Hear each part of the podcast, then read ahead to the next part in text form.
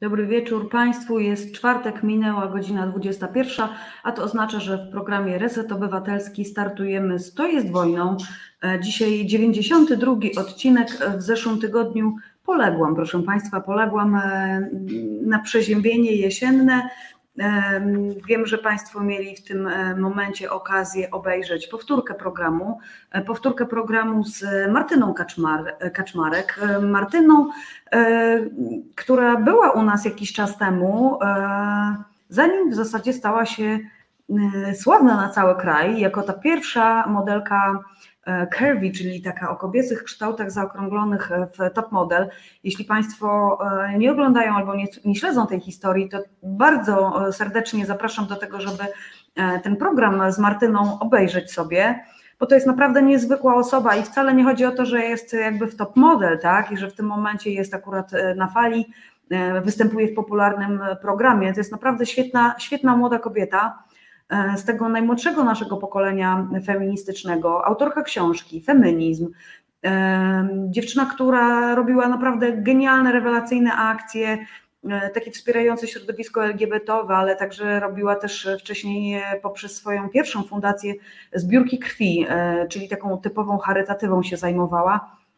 Naprawdę osoba, której ja się przyglądam z niekłamaną sympatią i z wielkim zainteresowaniem. E, mieliśmy tutaj z Państwem dyskusję wtedy, kiedy właśnie Martyna u nas była po raz pierwszy, e, no już za czasów, kiedy ja prowadzę program, czyli w ciągu ostatniego roku. Mieliśmy taką dyskusję o tym aktywizmie internetowym, czy on ma sens, czy nie ma sensu. Mam nadzieję, że e, od tamtego momentu, od tamtej rozmowy Państwo na temat tego aktywizmu robionego na różne sposoby, nie tylko zawsze na ulicy, ale także właśnie w internecie trochę zmienili zdanie, bo tutaj żeśmy, pamiętam, dosyć gorąco dyskutowali, czy takie działania mają sens. No, ale kolejne nasze gościnie, goście udowadniają, że faktycznie e, w tym internecie trzeba być, zwłaszcza dla, e, jakby ze względu na to, że tam są nasi najmłodsi, a to o nich tak naprawdę chcemy zawalczyć E, to ich trzeba odbić, e, bo przecież w szkole rząd dusz w tej chwili wiadomo, kto, kto ma i kto sprawuje tam władzę i kto tam indoktrynuje na potęgę w tej chwili, chociażby przez ten sławetny hit e, Historia i teraźniejszość. Więc tak, jak najbardziej trzeba być wszędzie tam, gdzie są młodzi. Oni nie zawsze są na ulicy. Państwo, którzy mają dzieciaki w tym wieku, od nastolatków w dół po wnuki w takim wieku, wiedzą doskonale, że oni są już troszeczkę inaczej e, jakby uzwojowani, zawsze tak mówię w odniesieniu do tego, jak działają ich mózgi, oni są trochę już bardziej zintegrowani z tym internetem, trochę są w realu, a tak naprawdę część życia dużą spędzają w tej przestrzeni internetu i powiem szczerze, ja nie widzę innej opcji, jak docierać do nich tam, gdzie oni po prostu są i gdzie siedzą. Jeżeli Państwo tą rozmowę przegapili za pierwszym razem, za drugim razem, to serdecznie polecam. Zajrzyjcie sobie e, na nasze e, strony, na Facebooka, na e, YouTube'a i tam wszystkie odcineczki można sobie oczywiście wstecz obejrzeć. Także te, które prowadziła przede mną Marta Woźniak, a nawet te najbardziej odległe, jeśli chodzi o historię programu, te pierwsze odcinki, które poprowadziła Klementyna Suchanow, e, jako pierwsza tutaj e, prowadząca w programie. Serdecznie zapraszam. Część z nich dotyczy oczywiście spraw bieżących, więc Państwo pewnie będą te sprawy pamiętali.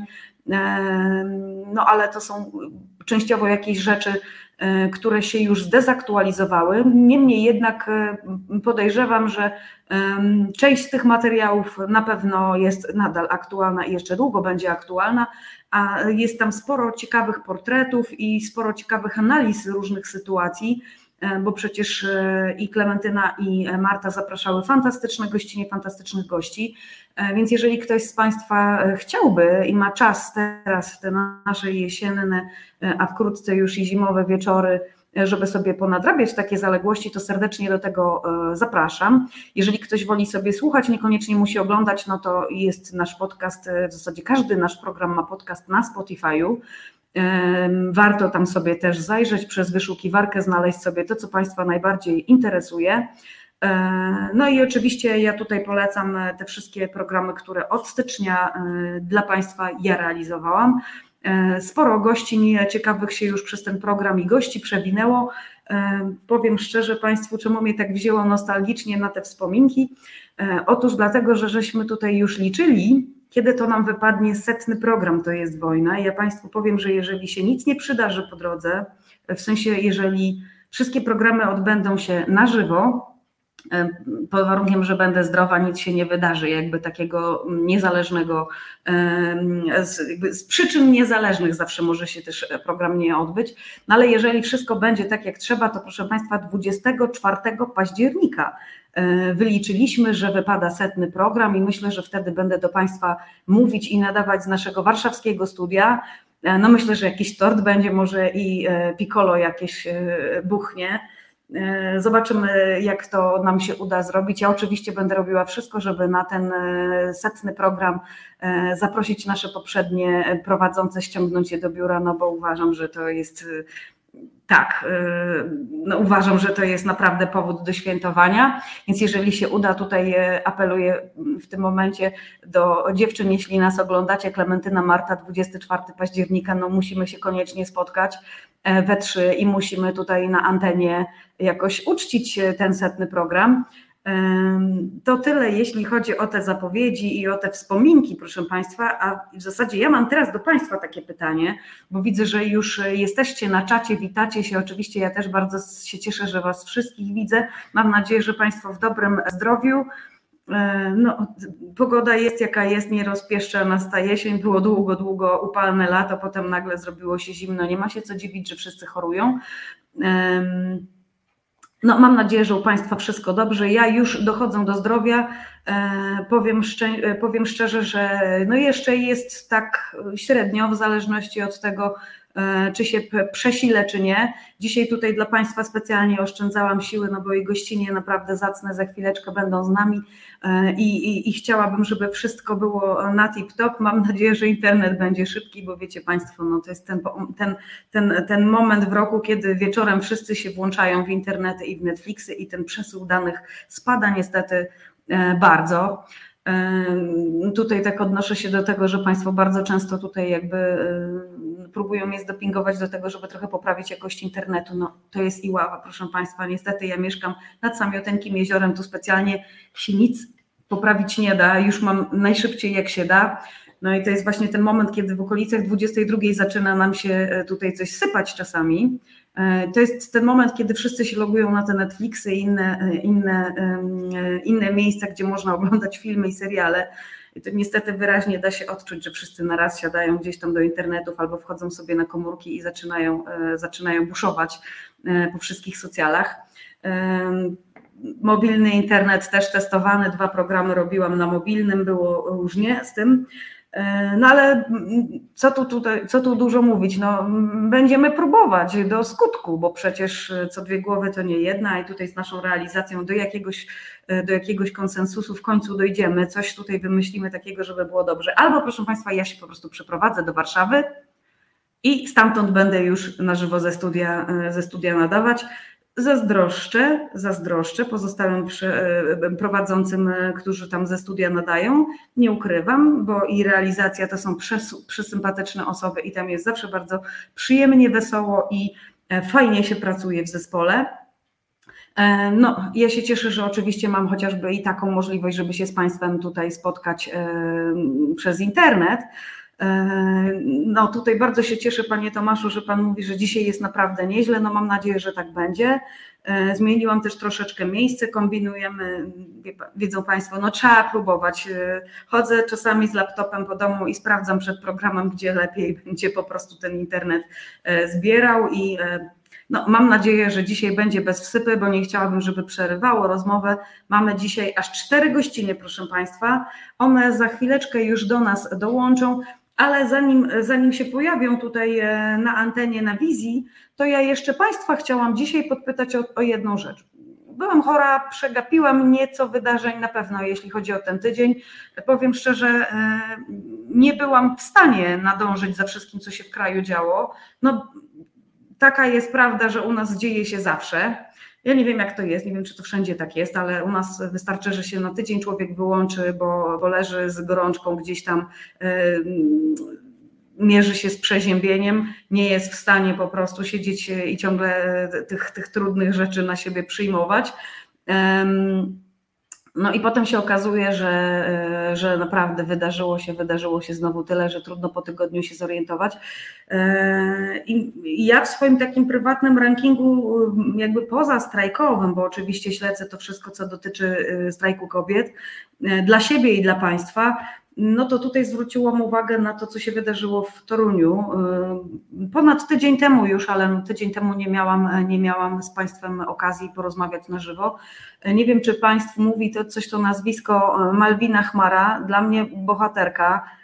Super dziewczyna, naprawdę super osoba. Jeśli Państwu nie, nie mówi nic to nazwisko, to, to już tłumaczę. To jest 17-letnia aktywistka z Bydgoszczy z niezłym już doświadczeniem, powiem szczerze, jak się przyjrzałam, to naprawdę z niezłym już doświadczeniem, jeśli chodzi o akcje takie e, bezpośrednie.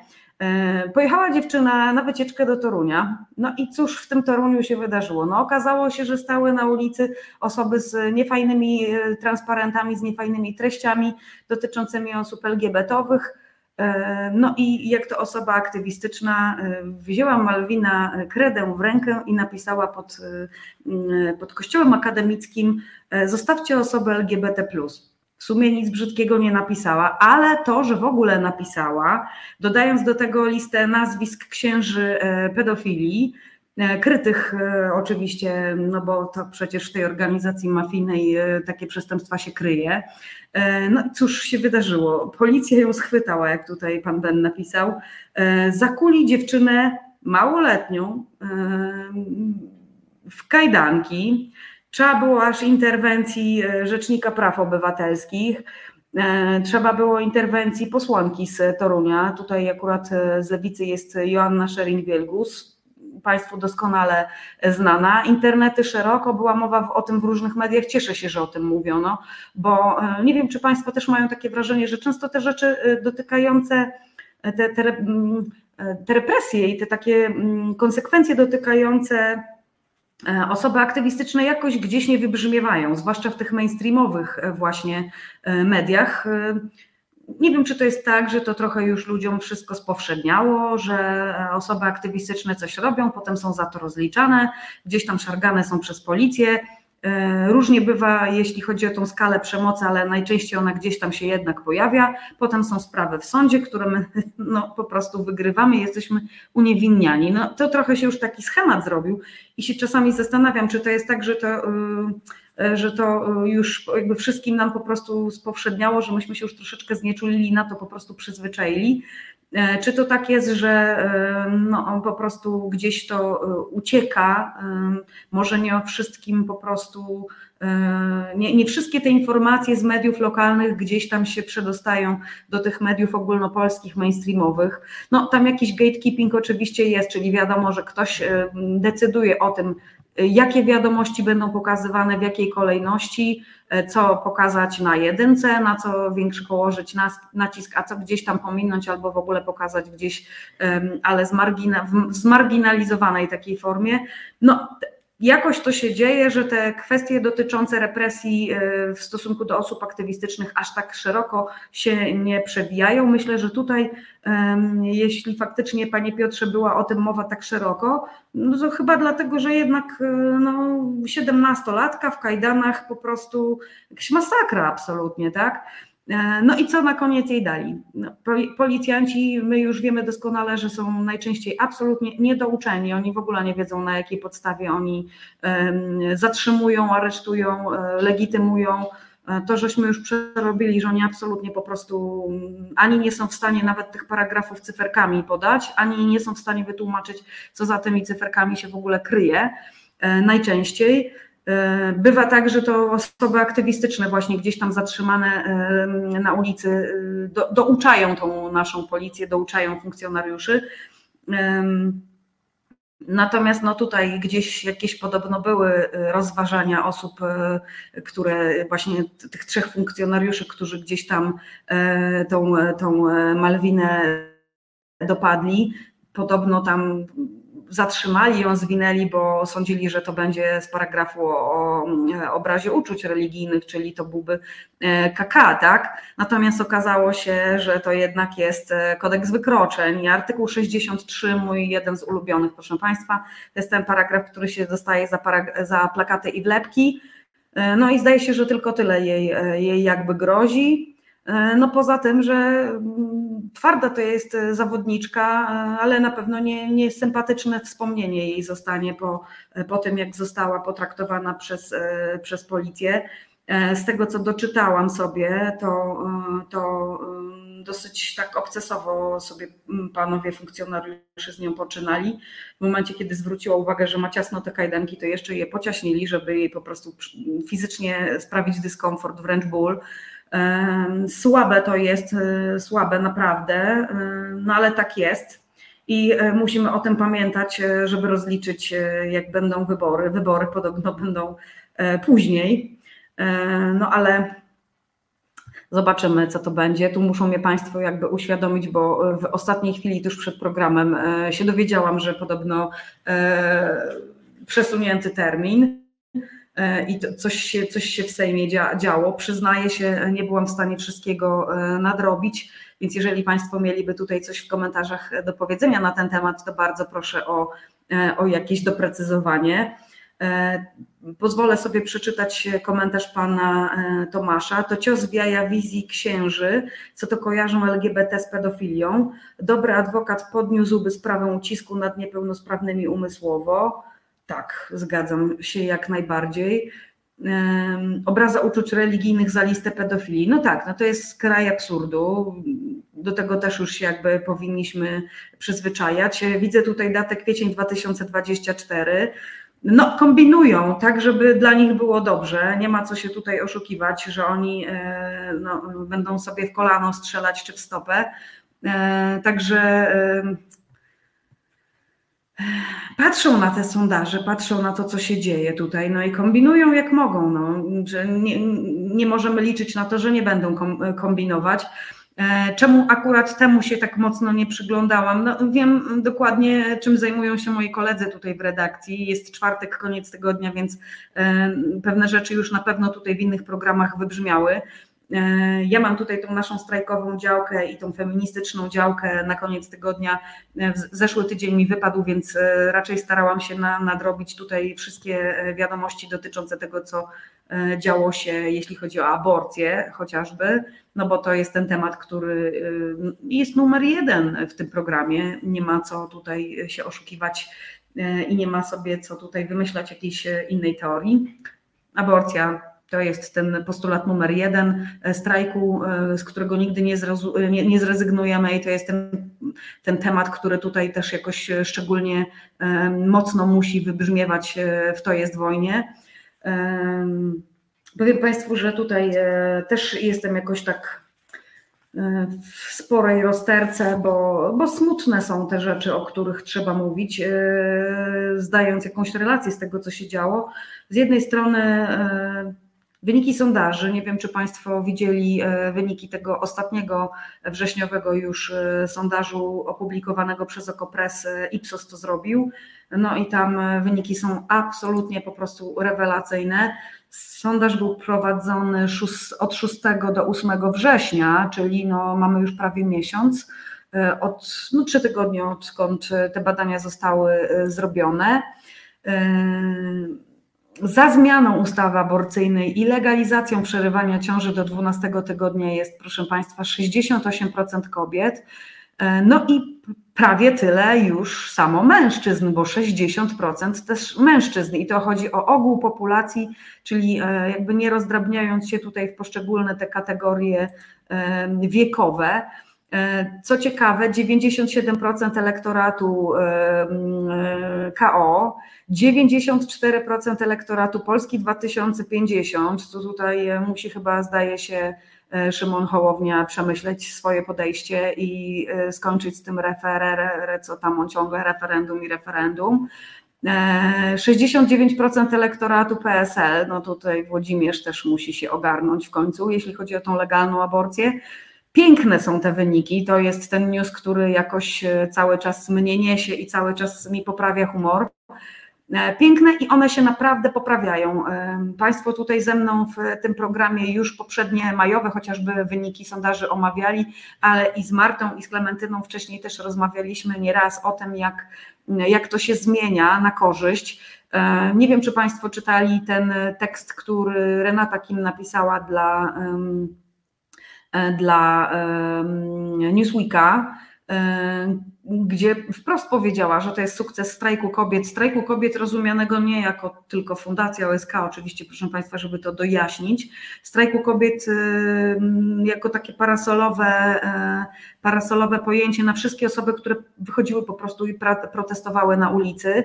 E, tak, e, pan Marek napisał właśnie na czacie, że wczoraj gościem resetu był poseł Zalewski i mówił, że w sprawie aborcji w Polsce niezbędne jest referendum. No oni naprawdę są jacyś impregnowani na wiedzę.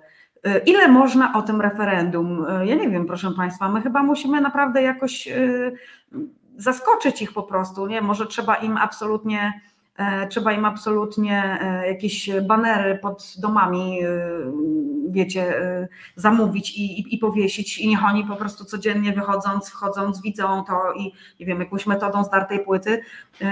Strasznie mnie to jakoś zawsze rozwala, że oni po prostu jakoś z tym referendum dalej nie zrozumieli, dlaczego to w ogóle jest głupi pomysł i, i nie wiem, są takie przykłady, które nawet dzieciaki, naprawdę dzieciaki rozumieją, nastolatki rozumieją, takie mówię 11-12-letnie, tak? E, tutaj dorośli faceci, no ale wiadomo, że oni z tym referendum nie są tak na poważnie, e, tylko po prostu kombinują jak mogą, gadają to, co im się tam opłaca w tym momencie. Mamy telefon, e, pan Piotr dzwoni. Panie Piotrze, nie wiem, czy już, już jest pan włączony na głos? O, jest, już pokazuje się ikonka, co oznacza, że chyba mamy to połączenie. Dobry wieczór. Panie Piotrze, czy pan nas słyszy? Dodzwonił się pan do nas.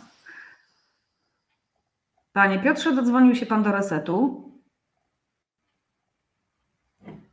Coś się dzieje, jednak, e, jednak nie słychać tutaj. Ja nie słyszę, nie wiem czy Państwo słyszą, ale chyba nie słyszymy wszyscy e, pana Piotra. E, no może się za chwileczkę uda. Zobaczymy, co tutaj, co tutaj nam się uda wymyślić realizacyjnie. Jak nie, nie w tym momencie, to może za, za chwileczkę. Widzę cały czas ikonkę, niemniej jednak nie słyszę głosu. E, Macieju, czy my mamy pana, e, pana Piotra e, na telefonie, czy, czy jednak spróbujemy za chwilę, za moment?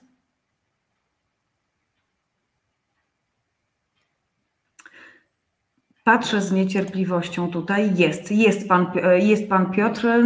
Panie Piotrze, dobry wieczór, słuchamy. głos, także tylko słyszę w słuchawce. O, słychać pana, słychać pana, panie Piotrze, dobry wieczór. Dobry wieczór. Wczoraj na czacie w kwestii referendum rozgrzało się, a to jest mhm. bardzo proste wytłumaczenie, y, które ktoś tam zamieścił, ja tylko je przytoczę, y, że nie można robić referendum w kwestii praw, praw podstawowych to, to, to, są prawa podstawowe i o czym tu dyskutować, nie? Ludzie, no. którzy, tak jak wczoraj ten nieszczęsny os, osioł e, mówił, no, no nie, jakie referendum? No proszę was. To nie jest Szwajcaria, gdzie się rozstrzyga takie rzeczy w referendach. Prawa podstawowe, zagwarantowane e, w karcie praw, to nie jest kwestia referendalna. No, no i, i umówmy się, tak? No, no i tyle. No. Ja tylko chciałem do, może jeszcze tutaj doczytać to, co może już się wydarzyło. E, Waldek Wysokiński, dziękuję mu za to. Na Kubie uznano e, w referendum powszechnym, że małżeństwa jednopłciowe to jest prawo. I teraz to jest, to jest oczywiste.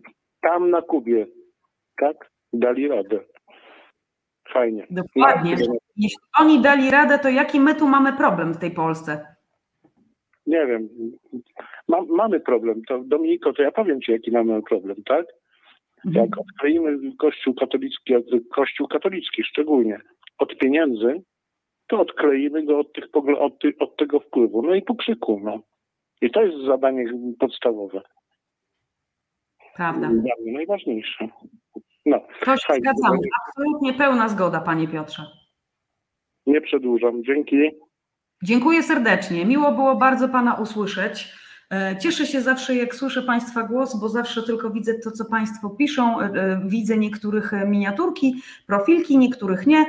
Panie Waldemarze, też tutaj właśnie widzę pytanie, a jak po referendum zostanie przywrócony stan poprzedni, czyli tak zwany kompromis, ten tak zwany kompromis, nie cierpię tego słowa przez to, jak to zostało po prostu absolutnie manipulacyjnie nazwane. Czy to będzie krok do przodu, czy nie? Hmm. E, czy to jest, Panie Waldku, tutaj punkt do dyskusji, żeby chcecie Państwo na ten temat porozmawiać, e, porozmawiać jakby w, e, w komentarzach, czy, czy chcecie Państwo wiedzieć, co ja na ten temat? No, ja na ten temat nie powiem nic innego niż to, co żeśmy w strajku mówiły od początku, czyli nas powrót do tak zwanego kompromisu absolutnie nie interesuje. Idziemy po wszystko, idziemy po legalną, bezpieczną, darmową, dostępną e, aborcję. E, na pstryknięcie, na życzenie, na żądanie, jak e, państwo, jaką Państwo nazwę wolą. Obojętne tak naprawdę. Chodzi o to, żeby każda kobieta, która, każda osoba, która jest w ciąży niechcianej, jest w ciąży, której nie chce kontynuować, miała możliwość, realną możliwość praktyczną możliwość, żeby tą ciążę przerwać. E, I tylko to nas interesuje, a docelowo powtórzę raz jeszcze, najlepiej by było, gdyby w XXI wieku, w kraju, który ma jakieś ambicje do tego, żeby być krajem europejskim, cywilizowanym naprawdę na poziomie, progresywnym, no to w zasadzie jedyne, co powinno się pojawić, to e, nic się nie powinno pojawić. E, powinna być jakby biała kartka, tak? Czyli żadnych uregulowań. Proszę Państwa, no ja uwielbiam ten przykład. Czy my potrzebujemy jakiegoś uregulowania prawnego, żeby e, iść sobie na przykład ósemkę wyrwać, tak? Do dentysty. Czy my potrzebujemy e, jakiegoś e, pozwolenia, jakiejś specjalnej ustawy na to, żeby zrobić sobie, nie wiem, wymianę stawu biodrowego? Aborcja to jest to jest procedura, którą można sobie w tym momencie nawet zrobić w domu do pewnego momentu. Jest to możliwe e, przy pomocy tabletek. Tak jak regulujemy chociażby ból głowy tabletkami przeciwbólowymi, tak samo jak przyjmujemy różne inne leki, e, nie trzeba być w szpitalu koniecznie pod opieką lekarza, żeby leki przyjmować. Możemy brać e, tabletki antykoncepcyjne. Dlaczego nie możemy brać tabletek poronnych wtedy, kiedy ich potrzebujemy? Mnie się, powiem Państwu tak od siebie prywatnie, też ta granica mocno przesunęła. E, jeszcze kilka lat temu miałam jakieś obiekcje w różnych sytuacjach. E, zastanawiałam się, co ja bym zrobiła, gdybym była w jakiejś tam konkretnej sytuacji, być może potrzebowała takiej terminacji ciąży, a potem sobie e, naprawdę jakoś to wszystko ułożyłam w głowie i Jestem absolutnie coraz bardziej zwolenniczką tego, żeby w ogóle nie było żadnych uregulowań. Po prostu każda ustawa, która jakoś reglamentuje dostęp do aborcji, sprawia, że ta sprawa jest wyjęta e, z tego całego spektrum wszystkich innych spraw. I to pokazuje już samo w sobie, że to jest coś, coś co jakby wymaga czegoś specjalnego, jakiegoś specjalnego uregulowania, specjalnego, nie wiem, przyjrzenia się tej sprawie. A chodzi o to, żeby tak nie było. Naprawdę, ten przykład z wyrywaniem sobie zęba czy robieniem jakiegokolwiek innego zabiegu jest moim zdaniem po prostu absolutnie trafiony. Jeżeli będziecie mieli e, możliwość z kimś rozmawiać, kto tego nie rozumie, e, przekonujcie w ten sposób także. No i to jest ten moment, kiedy Pewnie moglibyśmy tak sobie jeszcze z godzinkę tutaj porozmawiać. Ja bym sczytywała Państwa, ja bym sczytywała Państwa e, komentarze i byśmy sobie tutaj e, dyskutowali fajnie, robiąc przy okazji obywatelską e, Polskę. I no, ja to oczywiście uwielbiam zawsze, ale mamy już, z tego co wiem od Macieja, naszego realizatora dzisiejszego, mamy już gościnie na linii. Są już sprawdzone z głosem, z fonią i z wizją i to jest takie grono, w którym ja właśnie też chciałabym dzisiaj o tej aborcji porozmawiać, więc może to byłby najlepszy moment teraz, żeby zrobić króciuteńką przerwę na piosenkę i po przerwie widzimy się już z gościniami moimi dzisiejszymi. A kto to będzie? Proszę Państwa, dzisiaj mamy Kraków w resecie. Będzie z nami Magda Dropek. Magda Dropek już u Państwa i u mnie była przy okazji rozmawiania o marszach równości. Rozmawialiśmy o wszelkich około LGBT-owych sprawach, o antydyskryminacji w Polsce, ale oprócz Magdy Dropek, która jest z Fundacji Równość, będą z nami także reprezentantki całego kolektywu krakowskiego strajku kobiet, Ola Tomaszewska, Ania Gwisz i Ewa Sładek. Już za chwilę po przerwie będą z nami. Bardzo Państwu dziękuję za to, że tak licznie tutaj w tych komentarzach dzisiaj jesteście i po przerwie się widzimy. Dochodzenie prawdy. Dziennikarz śledczy Tomasz Piątek jest nieustannie na tropie. Ujawnia wszystko to, co najgłębiej ukryte. Fakty niewygodne dla władzy i kłamstwa najważniejszych osób w państwie. Jak wygląda dziennikarskie śledztwo? Jak dochodzi się do prawdy? Nie chowamy głowy w piasek. W poniedziałki o 19 w resecie obywatelskim potężna dawka niewygodnej prawdy. Dobry wieczór Państwu. Witamy po przerwie w programie To jest wojna w resecie obywatelskim. Bardzo Państwu dziękuję za tą taką aktywność Waszą w komentarzach w pierwszej części programu, a już są z nami nasze gościnie dzisiejsze. Krakowska inwazja, bardzo mi się podoba to sformułowanie. Już za sekundeczkę będą z nami Magda Drobek, Aleksandra Tomaszewska, Anna Gwiszcz i Ewa Sławek. No i proszę Państwa, chyba mamy już prawie tak. jednej gościni. Tak, widzę, że tutaj mnie, mnie rwie podobno. Widzę też Państwa komentarze. Mam nadzieję, że się uda tutaj zadać pytania. Dobry wieczór, dobry wieczór dziewczyny. Cześć. Dobry wieczór. Będziemy Cię wspierać, Dominiko, najwyżej i zadawać sobie pytania nawzajem. Damy radę. No mam, mam, nadzieję, że mam nadzieję, że jakoś tutaj się uda z tym internetem ogarnąć. Czekamy jeszcze e, na Annę, e, na Annę Gwiszcz. E, może ja tutaj Państwu, a jest Ania na backstage'u, to poprosimy o wpuszczenie. O, mamy już w tej chwili komplet gościń. Super, bardzo mi naprawdę Was miło widzieć. Są już podpisy też w tej chwili widoczne dla Państwa, żebyście Państwo wiedzieli, E, która jest która. Jeżeli nie rozpoznajecie jeszcze z poprzednich programów, e, po raz pierwszy są z nami, zdaje się, w, to jest wojnie Ewa Sładek i Ola Tomaszewska, natomiast Magdę Dropek i Annę, Annę Gwiszcz już e, mieliście Państwo okazję w to jest wojnie wcześniej poznać i, i wysłuchiwać, oglądać. Tak, pan Piotr właśnie napisał, że gościnie same poprowadzicie audycję, jeśli mnie urywa na pewno nie przestaniemy nadawać, ale jest szansa, że tutaj e, będzie za chwileczkę całkiem dobrze. A ja może na początku e, oddając już przestrzeń jakby i głos gościniom, e, dlaczego akurat dzisiaj Kraków chciałam bardzo zaprosić? Otóż dlatego, że Państwo gdzieś często dyskutują w różnych miejscach, w różnych komentarzach na temat tego, że zniknęłyśmy z ulic, że się nie protestuje Polsce, że e, jakaś taka cisza jest. No i chociażby Kraków i to, jak aktywne jest to miasto aktywistycznie, temu przeczy.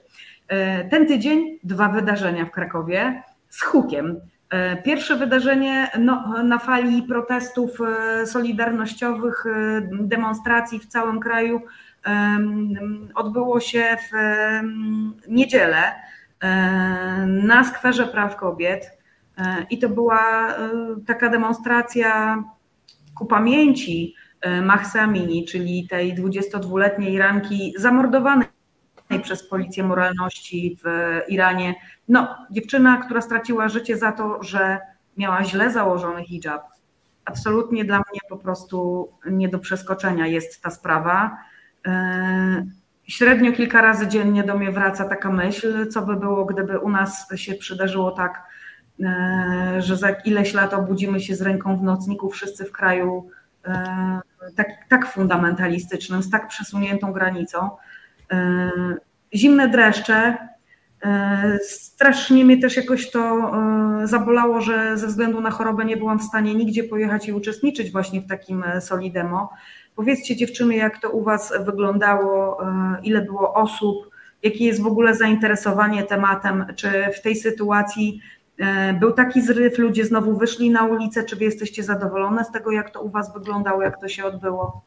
Wiesz co, Dominika, przede wszystkim myślę, że jeszcze będziesz miała okazję, bo choćby w Krakowie teraz y, pierwszy protest zorganizowałyśmy my ze strajku kobiet, ale widzę, że e, Irańczycy przejęli, e, przejęli pałeczkę i na przykład w sobotę w Krakowie zapraszają na kolejny protest, tym razem na rynku.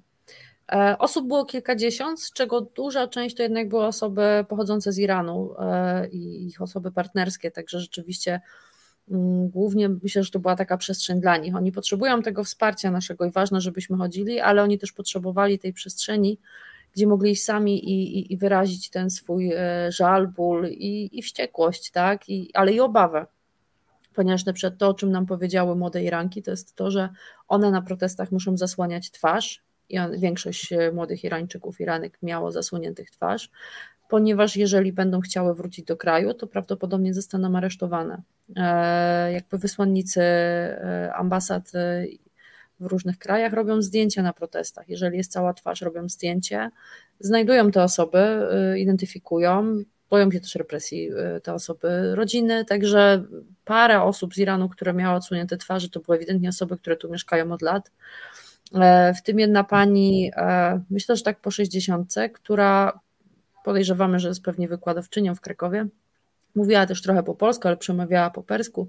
E, koleżanka ją tłumaczyła, która właśnie opowiadała nam o tym, dlaczego to jest takie ważne, dlaczego protestują, co się stało e, ze swojej perspektywy, ponieważ my możemy dać im tą przestrzeń do powiedzenia, ale ważna jest ich historia, a nie, nie to, co my na ten temat sądzimy tak naprawdę. E, mhm. No i rzecz absolutnie dla mnie niesamowita i, i to dopiero właśnie były dreszcze, e, ponieważ ta kobieta się zdecydowała ściąć rytualnie włosy. To ścinanie włosów mogliście zobaczyć pewnie na zdjęciach i na filmikach, e, bo z jednej strony kobiety tam często palą hijab, te, które chcą z niego zrezygnować, bo też pamiętajmy, że hijab to jest, powinien być po prostu wybór kobiety nosić czy nie nosić, tak jak u nas ktoś decyduje, czy chce nosić na przykład krzyżyk, czy gwiazdę Dawida, czy jakikolwiek inny symbol religijny, E, ale też właśnie odbywa się to ścinanie włosów. I to jest taki symbol po, po śmierci tragicznej, po, po śmierci związanej z przemocą, e, symboliczne, aby ścięcie włosów ma zakończyć ten, e, tą przemoc. Mm, mhm. Po, to, po to się ścina te włosy, żeby zakończyć tą tragedię, żeby nie było więcej śmierci. Niestety, jak wiemy, w Iranie raczej, raczej to tak nie zadziała, ponieważ w momencie, kiedy odcina się im internet, a to się w tej chwili dzieje, ginie więcej osób jeden z Irańczyków właśnie widział, że przy poprzednich takich protestach e, zginęło 1500 osób. Boją się tego, co się zdarzy, potrzebują naszego wsparcia, potrzebują, żebyśmy wyszli i, i wsparli i byli z nimi. Mhm. Pamiętajmy, że to są nasze mhm. siostry, niezależnie od koloru skóry, włosów, e, religii lub jej braku. Mhm. To jest też taki kawałek tutaj o tym mądrym pomaganiu. E, bardzo mnie to ujęło, co powiedziałaś o tym robieniu miejsca, robieniu przestrzeni. E, jakby mm, my protestujemy w swoim kraju, w swoich sprawach. Jeżeli dzieje się coś takiego w Iranie, to w zasadzie od czego my jesteśmy jako osoby aktywistyczne? Od tego, żeby dać platformę, prawda? Pomóc wszystko zorganizować e, zgodnie z wolą tych osób, które chcą coś powiedzieć, chcą, e, chcą chociażby właśnie takiego rytualnego ścięcia włosów dokonać, zapewnić im do tego warunki, zapewnić im do tego możliwości i w zasadzie dać im wolną rękę, jak oni chcą to, jak te osoby chcą to przeprowadzić. To się w Polsce chyba jednak dopiero trochę zaczyna tak dziać, że, że zaczynamy tak mądrze pomagać i tak mądrze tą przestrzeń dawać. Mam wrażenie, że że część gdzieś tam osób aktywistycznych dalej tak ma, a też jakby z takich nieaktywistycznych, zwykłych Polek, Polaków, że mamy jakieś swoje zdanie na jakiś temat i bardzo lubimy to zdanie po prostu gdzieś tam wygłaszać, także w takich sytuacjach publicznych, nie do końca pamiętając o tym, że to e, jakby my tu jesteśmy w innej zupełnie roli. Magda, Ciebie chciałam zapytać, bo wiem, że to jest nie pierwsza taka sytuacja, kiedy gdzieś w Krakowie, w Krakowie są takie E, takie wydarzenia, w których biorą e, udział osoby z innych krajów, reprezentujące inne narody, które są w trudnej sytuacji, które walczą o swoje prawa. I to jest zawsze jakoś tak mega skomplikowane, żeby to wyważyć i, i zrobić w sposób taki e, jednocześnie skuteczny, ale i z szacunkiem, i, i tak naprawdę z taką należytą starannością, uważnością na drugiego człowieka i na tą inną kulturę też. A tu akurat Dominiko, muszę Ci powiedzieć, że nie było mi akurat w Krakowie w niedzielę, bo byłam w Gdańsku, więc ja tutaj chętnie jeszcze e, myślę, że warto tutaj jeszcze posłuchać Ewy i Anny, które też były zaangażowane w ten protest. E, my mieliśmy w weekend akurat Kongres Miast Maszerujących w Gdańsku. Był też protest w Gdańsku e, przed ECS-em. Był bardzo symboliczny, też grupą naszą organizacji inicjatyw LGBT i właśnie organizatorów, organizatorek Marsz Równości też jakiś ten tłum tam trochę większy zrobiliśmy, zrobiłyśmy. Ale jeśli jeszcze y, w kontekście Twojego pytania, tak, ja myślę, że e, ja bym dodała do tego takiego, dodałabym jeszcze o naszych rodakach że, i rodaczkach, że tam to jest takie czasem też patronizujące i myślę, że też ostatnie miesiące y, w całej sytuacji od 24 lutego też czasami mogliśmy i mogłyśmy obserwować, e, myślę, różne takie zachowania. E, I my też jako społeczeństwo obywatelskie się bardzo dużo chyba nauczyliśmy, nauczyłyśmy w ostatnich 3-4 latach. I myślę, że to się też mocno zmienia. Ja oczywiście mówię to też jakby z perspektywy osoby mm, i zaangażowanej, i osoby z mniejszości i zaangażowany w tematy LGBT, bo dla nas to też było bardzo ważne, żeby tą przestrzeń sobie wyszarpać, prawda, w, w całym tym złu, które się działo w ostatnich, przede wszystkim w ostatnich dwóch latach. Więc, mhm. więc myślę, że to się zmienia. Ale Anno i Ewa, tutaj tak, to, tak. Jest jeszcze, to jest jeszcze Wasza opowieść o proteście, mhm. który, który też sporganizowałyście i też wielkie dzięki za to, bo to było mega ważne, myślę. I mega ważne jest, żeby być właśnie w sobotę jeszcze w Krakowie o 17 na rynku, bo sprawdziłam specjalnie mhm. godzinę, żeby jeszcze wybrzmiał. Mhm. Dziewczyny, jak wy, jak wy żeście przeżyły e, ten, ten protest? On był e, trochę inny niż to, co się zazwyczaj robi na strajkach kobiet. E, troszeczkę inaczej wyglądał ze względu na okoliczności. Przeżyłyście to mocno? To znaczy, może ja zacznę, bo nie wiem, mhm. która, to może ja. E, dla mnie ważne, najważniejsze chyba było to e, i tak, ponieważ tak, no, e, ten protest wyszedł z inicjatywy tak właściwie naszej koleżanki Weroniki, której tutaj nie ma dzisiaj z nami. No i ja będąc tam i 10 minut wcześniej jeszcze bardzo się obawiałam, że w ogóle nikogo nie będzie ponieważ byłam mhm. tam ja i pan, który przyszedł z aparatem i miał robić zdjęcia. E, no ale później pojawili się trzy Irańczycy i oni faktycznie przejęli ten protest. No oni przemawiali, oni skandowali, e, no po prostu jakby wzięli tą platformę od nas, myśmy były trochę tak jakby, no po prostu inicjatorkami tego, natomiast widać było, że oni tego potrzebowali I to jest chyba największy sukces tego protestu, że, e, że stworzyliśmy im u nas w naszym kraju e, jakąś taką platformę do tego, że mogli wyrazić swoje uczucia. Też myślę, oni się nie znali wcześniej i nie wiedzieli za bardzo, jak nawiązać ze sobą kontakt. Po tym proteście, jeszcze chyba z pół godziny później, jak myśmy już wracały, bo tam jeszcze coś tam załatwiałyśmy, to, to oni jeszcze tam stali i jeszcze ze sobą rozmawiali, więc to było chyba z tego wszystkiego naj, naj, najbardziej wartościowe.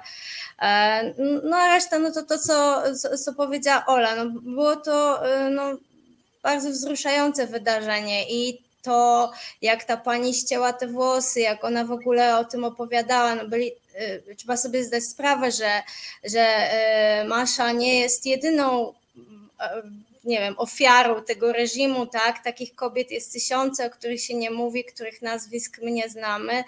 E, I e, na przykład tam pan przytaczał historię dziewczyny, którą ktoś na proteście po prostu zastrzelił z okna.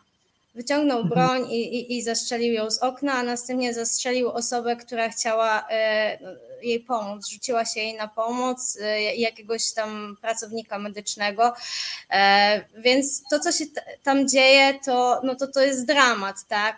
I myślę, że tutaj też trzeba posłuchać tych Irańczyków, czego oni potrzebują, a oni mówili przede wszystkim to, że, że, że, że należy o tym mówić, że oni nie mają możliwości za bardzo mówienia o tych sprawach, bo tak jak Ola powiedziała, grozi im za to więzienie, tak, boją się, że y, społeczeństwo europejskie powinno naciskać na rozwiązanie tej kwestii.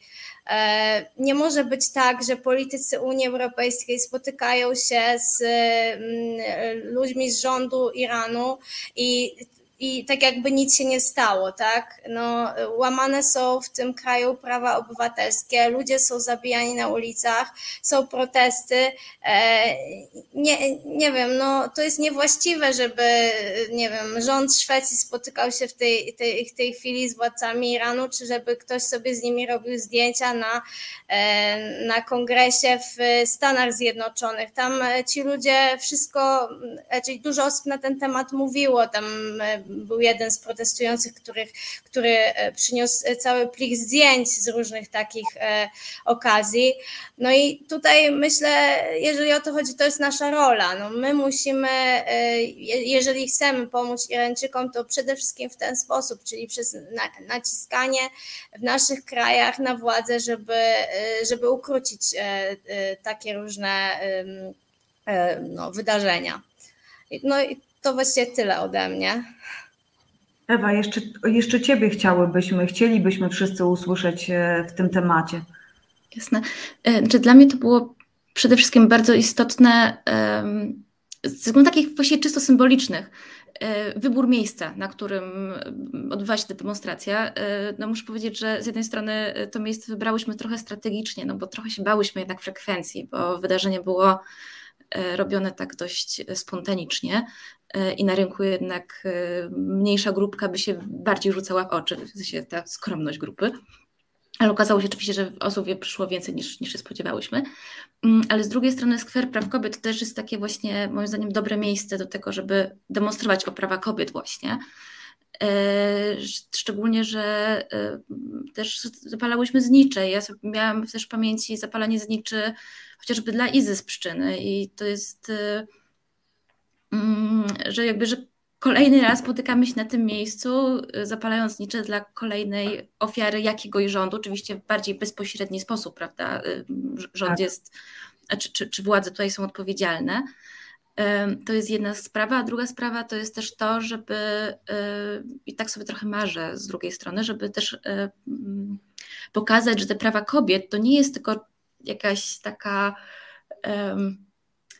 nie wiem, broń, broń w walce czysto politycznej w Polsce, którą można po głowie walić partię rządzącą, tylko to jest coś istotnego, o co wszyscy walczymy. Ale to jest, jakby, też wydaje mi się to jakby, to, to, to, to o czym teraz mówię, wydaje mi się to mniej istotne niż e, jakby um, cały wydźwięk tej, tej demonstracji, który faktycznie był, uh, dla mnie to było właśnie dość, niesamowite obserwować uh, tą taką wspólnotowość społeczności irańskiej w Krakowie. E, I bardzo się cieszę, że mogłyśmy dać miejsce, e, chociaż na samym początku. I ja jeszcze bardziej się cieszę, że faktycznie, że, że w sobotę e, będzie kolejna, kolejna demonstracja. Mhm. Jako, jako organizatorek chciałam Was zapytać, czy to, że będziecie powtarzać jakby tą, tą demonstrację, to Solidemo, E, to wynika z tego, że zgłaszają się do Was ciągle jakieś osoby, które po prostu, nie wiem, nie były za pierwszym razem, nie wiedziały. E, ten temat jest po prostu dalej żywy. Czy, czy to jest tak, że to Wy e, czujecie jeszcze niedosyt, że że trzeba dotrzeć do większej grupy osób, e, z, jakby pokazać im tą społeczność i dać im, dać im po prostu szansę jeszcze raz się spotkać i jeszcze raz o tym opowiedzieć. Jakby z czego to się bierze, że w tym samym mieście kolejne jeszcze jakby na ten sam temat e, wydarzenia organizujecie, bo być może tutaj e, nie wszyscy na, nasi widzowie widzki rozumieją, z czego to wynika. To jest jeszcze inaczej, Dominiko, ponieważ tak naprawdę tego protestu my nie organizujemy.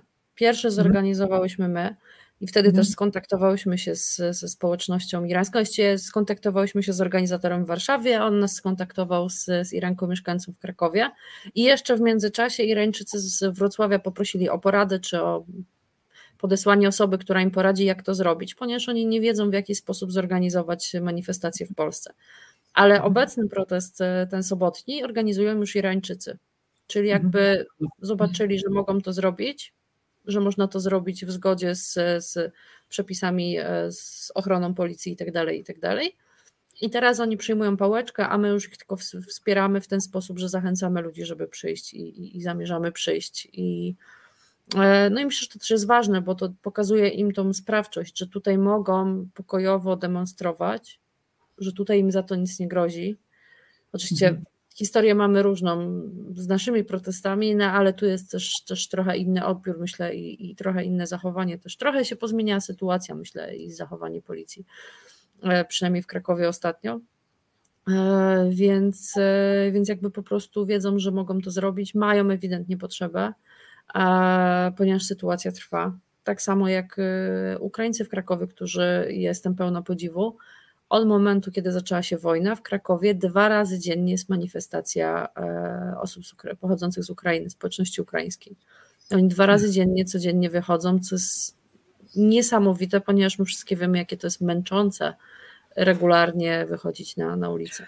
Ale też na przykład społeczność białoruska od 2020 roku e, też było bardzo dużo protestów w Krakowie i to też były takie protesty, e, które odbywały się na rynku głównym, które były bardzo wspólnotowe, które była, to była taka współtworzona przez e, osoby z- Białorusi mieszkające w Krakowie, które po prostu współtworzyły dla siebie przestrzeń do spotkania się i do bycia, do bycia wspólnie.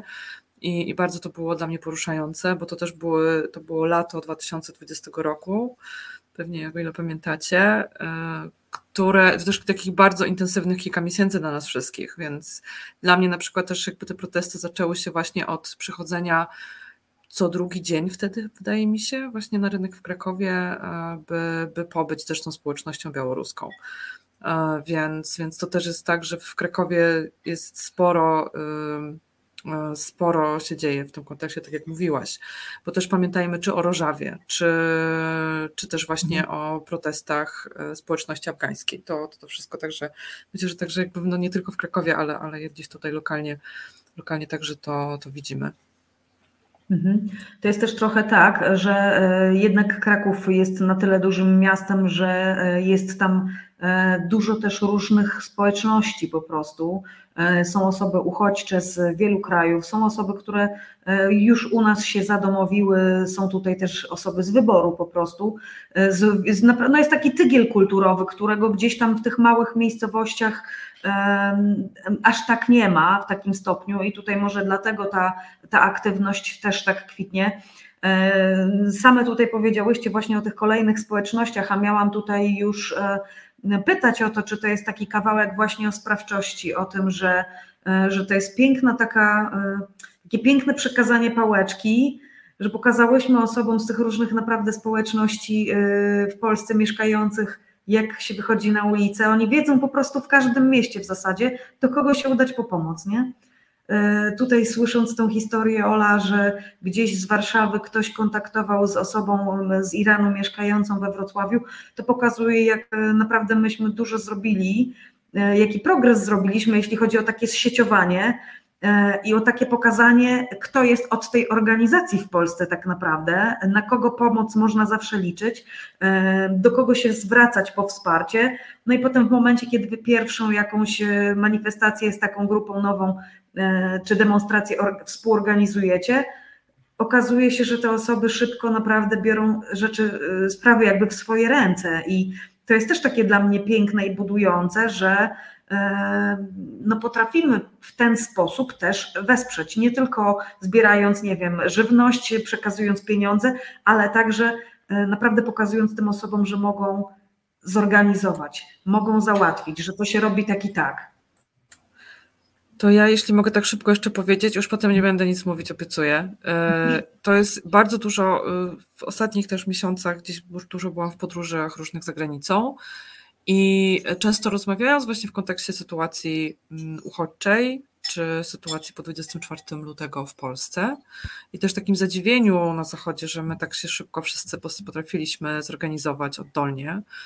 E, I zawsze powtarzam, ale jesteśmy już tak zorganizowani, zorganizowane właśnie od tych kilku lat. E, jakby czy, czy przy okazji strajków, czy przy okazji, my też jako społeczność LGBT na przykład, jakby wypracowałyśmy właśnie sieci wsparcia, jakby sieci kontaktów, e, reagowania też na kryzys i tak naprawdę to wszystko przy, przy tylko właśnie 24 lutego to po prostu wszystko ruszyło już od razu, bo już my wiedziałyśmy, e, wiedzieliśmy kto, gdzie, jak, dlaczego, po co, w jaki sposób szybko, szybko te informacje mają przepływać.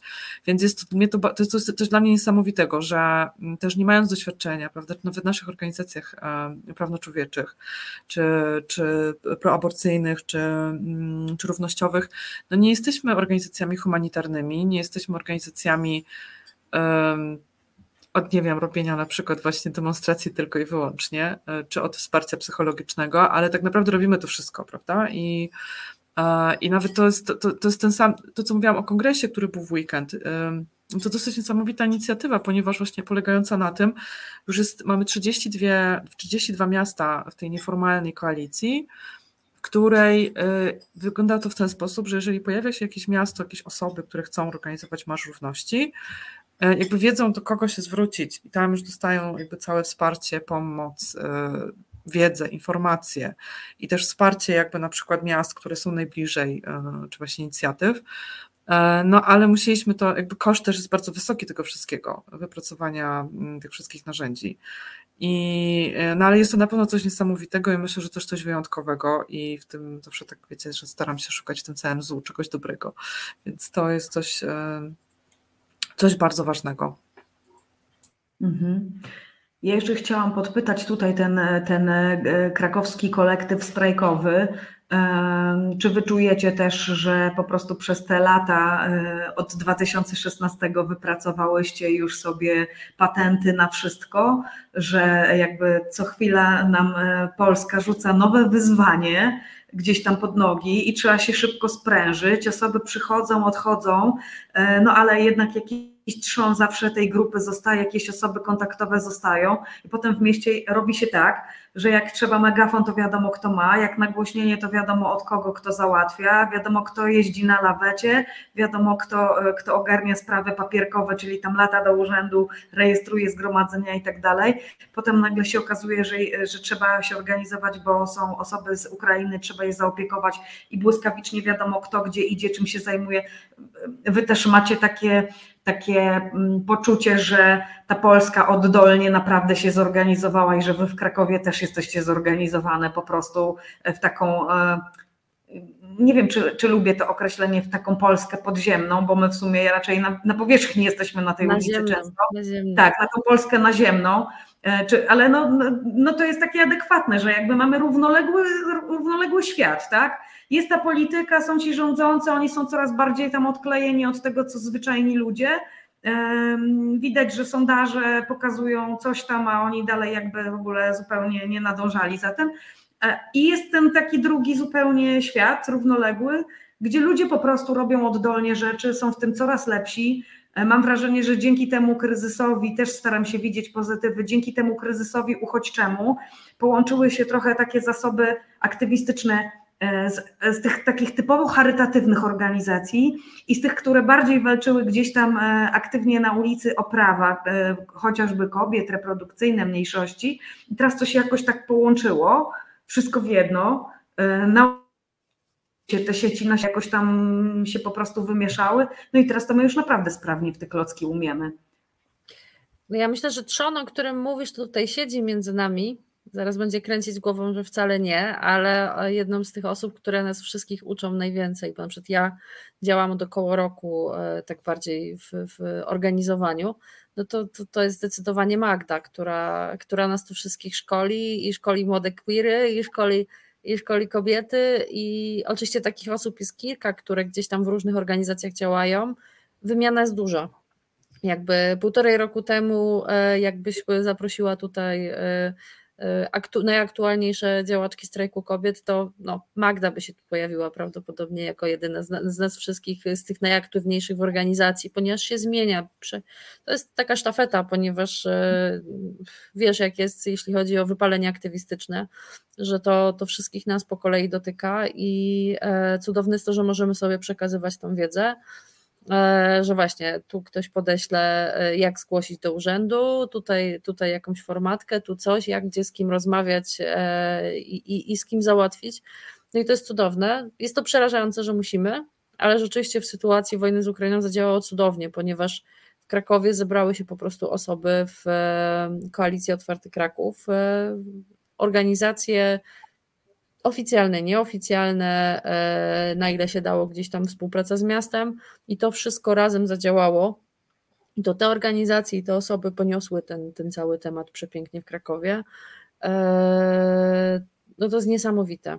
Ja, ja cały czas się jeszcze dużo uczę. E, Magda tu będzie znowu kręcić głową, ale, ale Magda dla mnie jest tym absolutnym tutaj naszym e, trzonem, e, który nas trzyma i który sobie mówi, że nie, nie, teraz to ja odpoczywam, po czym przychodzi i mówi, a tu jeszcze możesz tak i tak.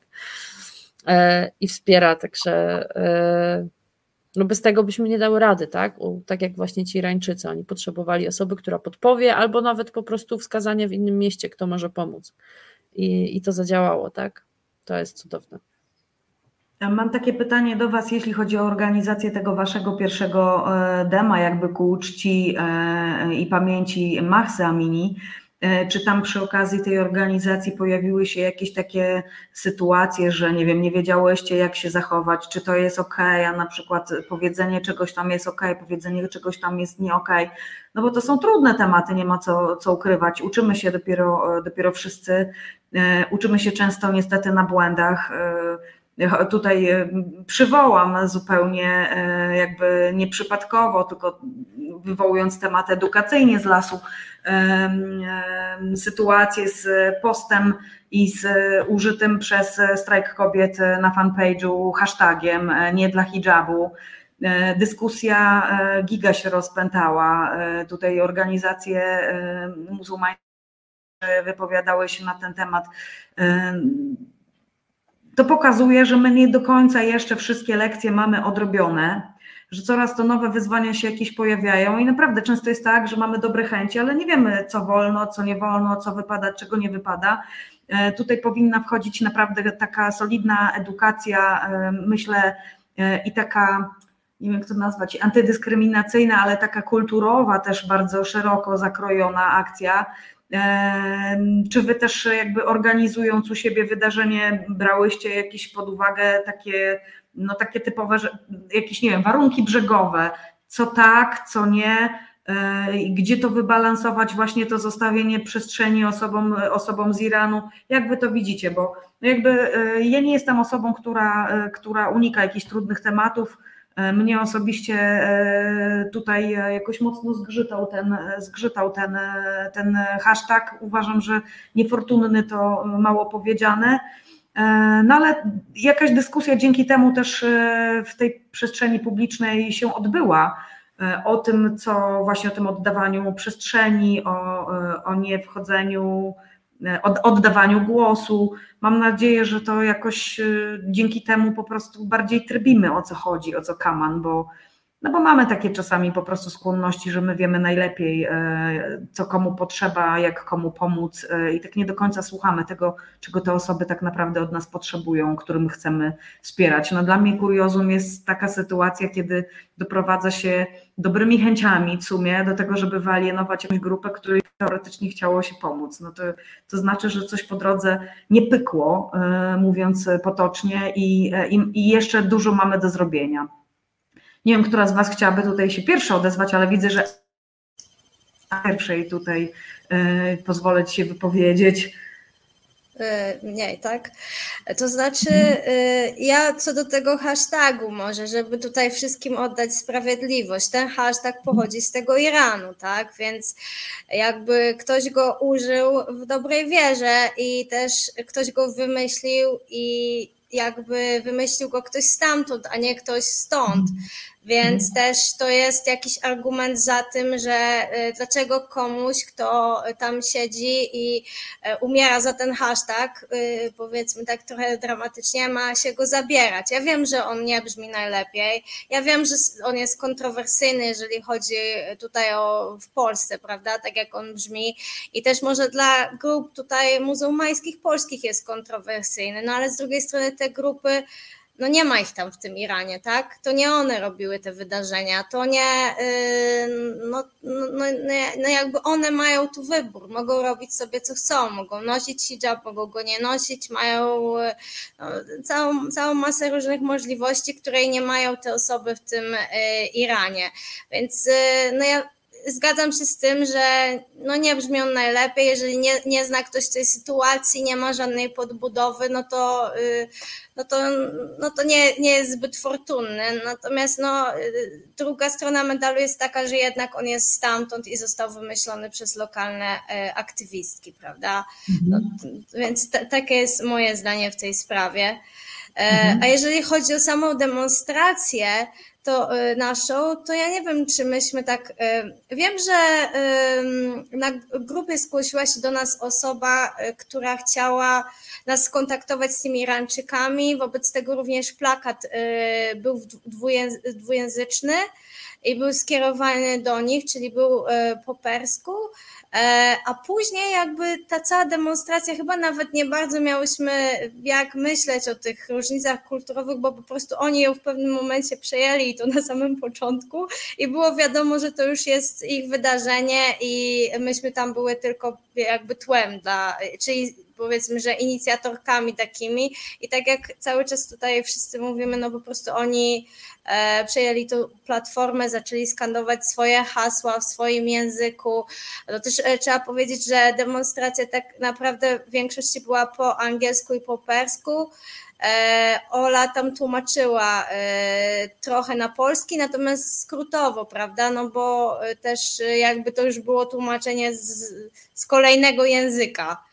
E, przede wszystkim e, tej przemowy, tej, tej pani, która, która ścięła, ścięła sobie włosy. No, no, i, no i to tyle ode mnie. Mhm. Ewa, ja jeszcze Ciebie chciałam podpytać, e, jak Ty to ze swojej perspektywy widzisz? Znaczy, muszę powiedzieć, że dla mnie takim trochę warunkiem brzegowym było nieużywanie tego hashtagu, albo przynajmniej tej grafiki z tym hashtagiem do promocji mhm. wydarzenia. E, I zresztą jakby wszystkie stwierdziłyśmy, że to nie jest najlepszy pomysł. Bo o ile faktycznie tutaj Anka ma rację, jeśli chodzi o jakby genezę tego hashtagu, no to jednak inaczej on brzmi w Iranie, czy inaczej on brzmi używany przez społeczność irańską, czy generalnie muzułmańską, inaczej jak e, inaczej kiedy e, trafia na grafiki, prawda, OSK.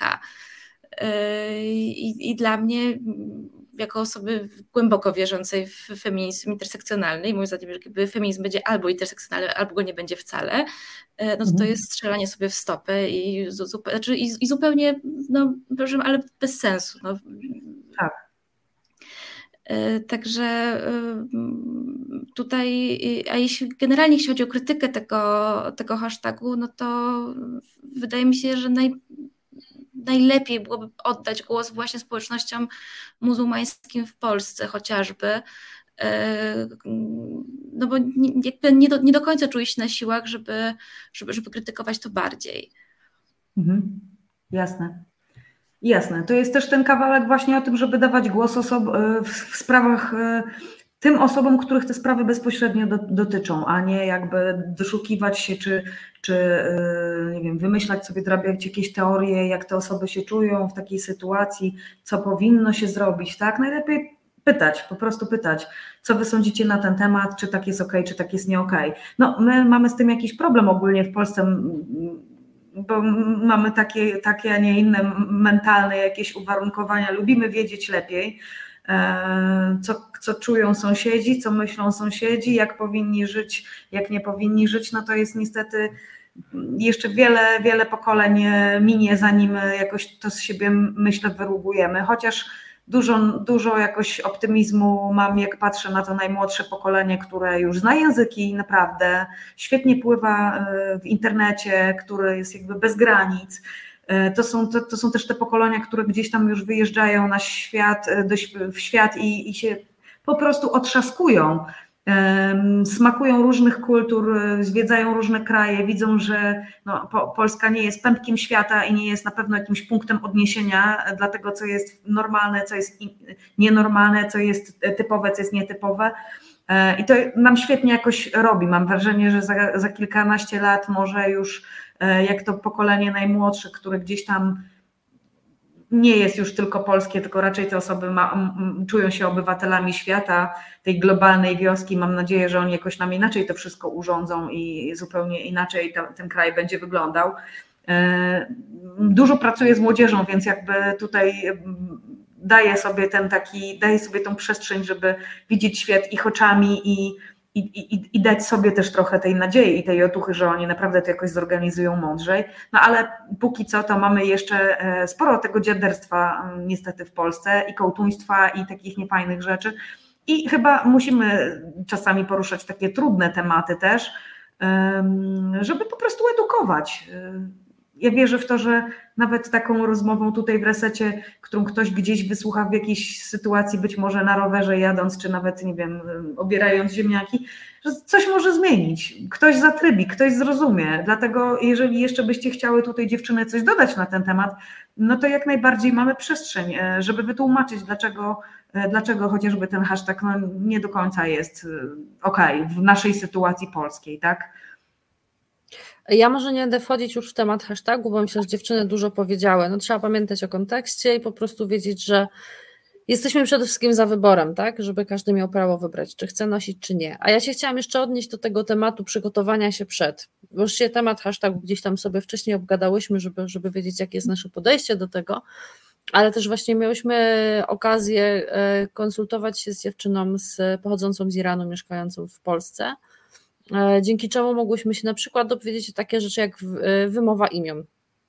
Ponieważ mhm. starałam się właśnie wcześniej dowiedzieć w jaki sposób. Okazało się, że e, jakkolwiek zapis jest Machsa, to, to wypowiada się to Machso, bo ten przekład z perskiego na, na nasze litery jest, jest nie do końca E, taki sam, e, czy też imiona innych dziewczyn, o których opowiadałyśmy na proteście. Więc też oczywiście starałam się trochę głębiej doczytać, tak żebyśmy e, mówiąc nie, nie powtarzały przypadkiem rzeczy, które nie są sprawdzone, bo nie są pewne. Tutaj dużo rzeczy może nie jest pewnych, ale, ale starałyśmy się mówić właśnie o, o faktach, o tym, co, co, co wiedziałyśmy na pewno, tak żeby czegoś nie przekręcić, nikogo nie urazić, no nie, powie, nie powtarzać bzdur, bo bo właśnie coś powtórzone raz, drugi, trzeci e, będzie się potem, będzie potem krążyć i coraz trudniej jest e, trafić na źródło i sprawdzić, czy rzeczywiście to, to, to jest coś realnego. E, I, to jest myślę, że też ważne przy, przy takich tematach, które nie do końca nas dotyczą, ale chcemy wesprzeć, żeby wiedzieć, co robimy. I żeby, no właśnie, znowu oddawać platformę też Magda mówiła o, o, temacie e, osób ze społeczności LGBT, że tutaj też e, walczyły sobie dostęp do tej przestrzeni. Myślę, że nas jako sojuszników właśnie w każdym jednym obszarze, ale tutaj też myślę szczególnie w Polsce, jeśli chodzi o, o społeczność tęczową, e, ważne jest, żebyśmy, jeśli mamy dostęp do głosu, zrobić przestrzeń, zrobić tę platformę i dać tym osobom mówić. A jeżeli my mówimy, bo na przykład nie ma innej osoby, która mogłaby powiedzieć, bo wie z własnego doświadczenia, to się najpierw doedukować, tak żebyśmy mówili rzeczy, no rzeczy prawdziwe, rzeczy sprawdzone, e, żeby nie powtarzać czegoś, co nam się wydaje, tylko rzeczywiście to, co, to, co jest. Mhm. Czy coś jeszcze tutaj e, chciałobyście dodać, jeśli chodzi o tą organizację bo być może w tej chwili słuchają nas też osoby, które przymierzają się właśnie do, do takiego Solidema. Te Solidema w różnych miejscowościach jeszcze w tym tygodniu e, i po weekendzie będą się, będą się e, działy.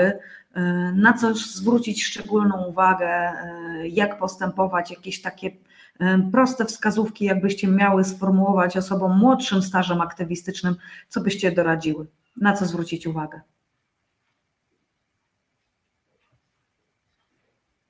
To jest ten moment, kiedy mamy cztery gościnie i, i, nie wiadomo, kiedy, która, która, e, która ma mówić. I powiem Wam, to jest zawsze inaczej, jak są faceci. Wtedy raczej się robi tak, że wszyscy mówią jednocześnie. E, natomiast jak siedzą panie, to jednak coś w tym jest. E, jak tak nas ta kultura warunkuje, że my sobie wzajemnie robimy tą przestrzeń, wtedy czekamy jedna na drugą. E, więc to jest ten moment, kiedy ja jeszcze raz jakby tutaj nawrócę do tego pytania. Czy, czy, czy jeszcze coś chciałobyście tutaj dodać do tego, jeśli chodzi o te takie rady dla, dla osób, które są powiedzmy początkujące w aktywizmie, bardzo by chciały coś zrobić, żeby ten wkurw jakoś pokazać, solidarność pokazać, ale żeby nie popełniły błędów. Ale Dominiko, chodzi, chodzi konkretnie o na przykład protesty irańskie, tak? Tak, Czy tak, ogólnie? Tak, Okej. Okay. No to myślę, że, naj... irańskie, tak. myślę, że najważniejsze jest też po prostu y, postarać się złapać kontakt jakiś ze społecznością y, bądź osobami. Mhm. Też internet daje dużo możliwości. Jest też, są też osoby influencerskie gdzieś w naszej przestrzeni internetowej, pochodzące z Iranu, więc myślę, że to zawsze można próbować w jakiś sposób też się skontaktować, bądź właśnie skontaktować się już przez y, miasta, mm, tak jak to się wydarzyło też w Krakowie, mm, z osobami e, lokalnie. Myślę, że to też jest gdzieś ważne. Ja sobie na przykład też wyobrażam sytuację, bo takie sytuacje już też były gdzieś tam wcześniej na takich protestach krakowskich, że jest duża potrzeba też zrobienia takiego solid demo, niekoniecznie są to osoby na miejscu, więc my na przykład często też wychodziłyśmy z pomysłem mm, przeczytania listu, który został specjalnie napisany na przykład przez jakąś osobę, mhm. prawda? Czy, czy też jakieś już po prostu treści, które są. Jest takie możliwości dzisiejsze, dzisiejsze techniki też są, więc myślę, to też jest myślę warto, warto o tym pomyśleć. Tutaj trochę tak staram się trochę wzmocnić na przykład też właśnie jakieś um, osoby aktywistyczne w mniejszych miastach, które by chciały, chciałyby zrobić, a niekoniecznie też um, są takie osoby też po prostu pochodzące z Iranu na miejscu. E, być też osobą uważną na to właśnie w jaki sposób się mówi, co się mówi i dlaczego. E, jest też dużo materiałów już prasowych dotyczących um, sytuacji w Iranie, ale też na przykład materiałów i fotoreportaży już z protestów, które były w Polsce. Więc myślę, że też warto sobie zawsze przejrzeć i zobaczyć, um, co już było, w jaki sposób było, um, w jaki sposób to też wyglądało na przykład za granicą. To są na przykład, ja sobie też tak robię czasami, jeśli są na przykład jakieś protesty, staram sobie się trochę też po prostu mm, poczytać sobie o tym, jak na przykład takie protesty wyglądały w innych krajach. To tak na szybko mi przychodzi, więc bardzo tutaj proszę e, moje koleżanki o wsparcie, o tej godzinie zwłaszcza. No, można też, y, dobrze jest mieć jakieś materiały do rozdania ludziom, ale to chyba y, na każdym proteście tak jest. Myśmy akurat tutaj wyszły z założenia, że to jest tak tragiczna sytuacja, no, że ten protest powinien być takim protestem zadumy. On oczywiście w, później trochę zmienił swój charakter, ponieważ nadali go mu Irańczycy, ale jakby od nas wyszło wszystkie miałyśmy mniej więcej co do tego zgodę, że to raczej powinno być e, wydarzenie niespecjalnie jakoś tak aktywne czy energetyczne, tylko raczej takie idące w stronę y, no, takiej właśnie zadumy nad, y, generalnie trudnym, tym trudnym e, tematem, prawda? Więc e, miałyśmy też znicze na przykład zakupione dla ludzi i oni e, mogli sobie od nas wziąć i zrobiłyśmy tam taki symboliczny ołtarzyk, nie wiem, tak z braku innego słowa, tak, tak to tak. nazwę. E, I oni bardzo chętnie podchodzili i brali od nas e, te znicze i zapalali e, właśnie te lampki. Było, myślę, że to też dla nich było w jakiś sposób oczyszczające i ważne. No ona też wydrukowała takie mm, jakby nie wiem, e, ulotki czy mm, zdjęcia, jedno z, właśnie ze zdjęciem tej dziewczyny, a drugie, drugie właśnie informujące o tym, co się stało, więc to, to też e, porozdawałyśmy i ludzie też to trzymali, później to e, jakby od strony wizualnej to, to też całkiem nieźle wyszło na, na materiałach z kolei y, później z, z tego protestu, które wrzuciłyśmy na różne e, social media. No i to to tyle, jeżeli chodzi o jakieś przygotowanie. E, no na pewno dobrze jest wiedzieć, jaki się chce nadać charakter jakiemuś wydarzeniu i dobrze jest też właśnie go może skonsultować z tutaj w przypadku no akurat z Irańczykami, ale to raczej chodzi, jeżeli chodzi ogólnie o protesty, jeżeli się robi jakieś protesty z jakąś społecznością e, mniejszościową, no to wiadomo, że dobrze jest mieć takiego konsultanta kulturowego, żeby nie było jakichś większych wtop. No i to mhm. tyle. Ja jeszcze chciałam Ewa Ciebie zapytać a propos tych, e, tych e, właśnie tego typu solidem, ale uciekło mi, przepraszam, bo spojrzałam tutaj w czat, zobaczyłam coś, co mi jakoś tutaj e, nieco wybiło. Może wróci za chwileczkę do mnie to, to pytanie, bo naprawdę chciałam już tutaj jakby zawinąć ten temat. Za, Widzą Państwo, to jest tak zwana mgła pokowidowa niestety, późna pora i coś chciałam bardzo tutaj jeszcze kon konkretnie Ciebie zapytać z takiej właśnie wizerunkowo, z takiej, ach już mam, mam proszę Państwa, bo chciałam Ciebie jeszcze Ewa zapytać o to, pamiętając jakieś tam nasze wcześniejsze rozmowy w kontekście też um, legalnej aborcji bez kompromisów, Ważne w takiej sytuacji jest też, żeby puścić weter e, potem właśnie materiały. To jest ta część, której e, tak jest starsze nasze, starsza część jakby tego środowiska aktywistycznego e, czasami nie rozumie, a tutaj ja zawsze bronię tego aktywizmu robionego w sieci. W przypadku takich właśnie, takich właśnie solidem, jak to związane właśnie z, ze śmiercią Machsy, to jest mega ważne, żeby w eter poszły dobre zdjęcia, żeby w eter poszły informacje. W momencie, kiedy oni mają wyłączany internet i proszą o to, żeby jakby nagłaśniać sprawę, mega ważne staje się to, żeby był ślad po tym w internecie, że coś się gdzieś w jakimś miasteczku odbyło. Jak to opakować, na co zwracać uwagę w takiej sytuacji, jakie rzeczy, e, nie wiem, takie, jakie narzędzia internetowe można wykorzystać, żeby po prostu jak najlepiej, e, jak najlepiej e, zagospodarować tą przestrzeń po prostu. E, no więc muszę powiedzieć, że jestem chyba najgorszą adresatką takiego pytania, ponieważ ja w internety tak średnio, jeśli chodzi o, e, nie wiem, marketing chociażby, to zupełnie nie. E, więc niestety na to pytanie odpowiedzieć nie, nie, nie potrafię. Natomiast jeśli chodzi o kwestie przygotowań jeszcze przed tego typu wydarzeniami, wydaje mi się, że szczególnie jeśli chodzi właśnie o wydarzenia w kontekście mniejszościowym, jest w tym momencie bardzo dużo materiałów, z których można czerpać. E, chociażby w kontekście w społeczności LGBTQ są poradniki, jak pisać o społeczności. Tak samo są dokładnie takie same poradniki, są jak pisać o społecznościach mniejszościowych, jeśli chodzi o mniejszości etniczne chociażby, czy narodowe.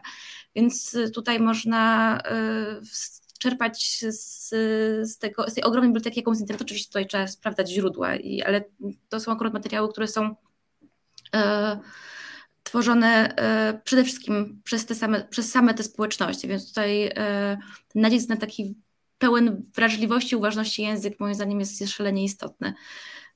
A jeśli chodzi właśnie o to pytanie o media społecznościowe, to nie wiem, chyba Magda mhm. tutaj najbardziej, e, najbardziej w internety. Ja myślę, że możemy też iść dalej z tym pytaniem, ponieważ wyjątkowo dzisiaj ciężko nam odpowiedzieć na, na te kwestie.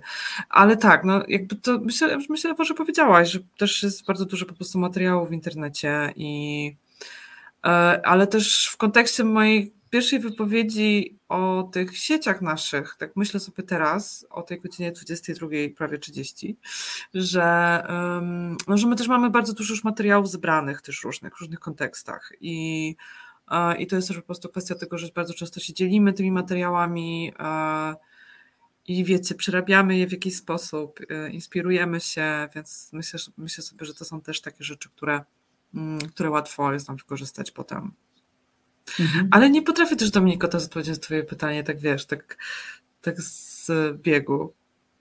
Bo jednak... No. Mhm.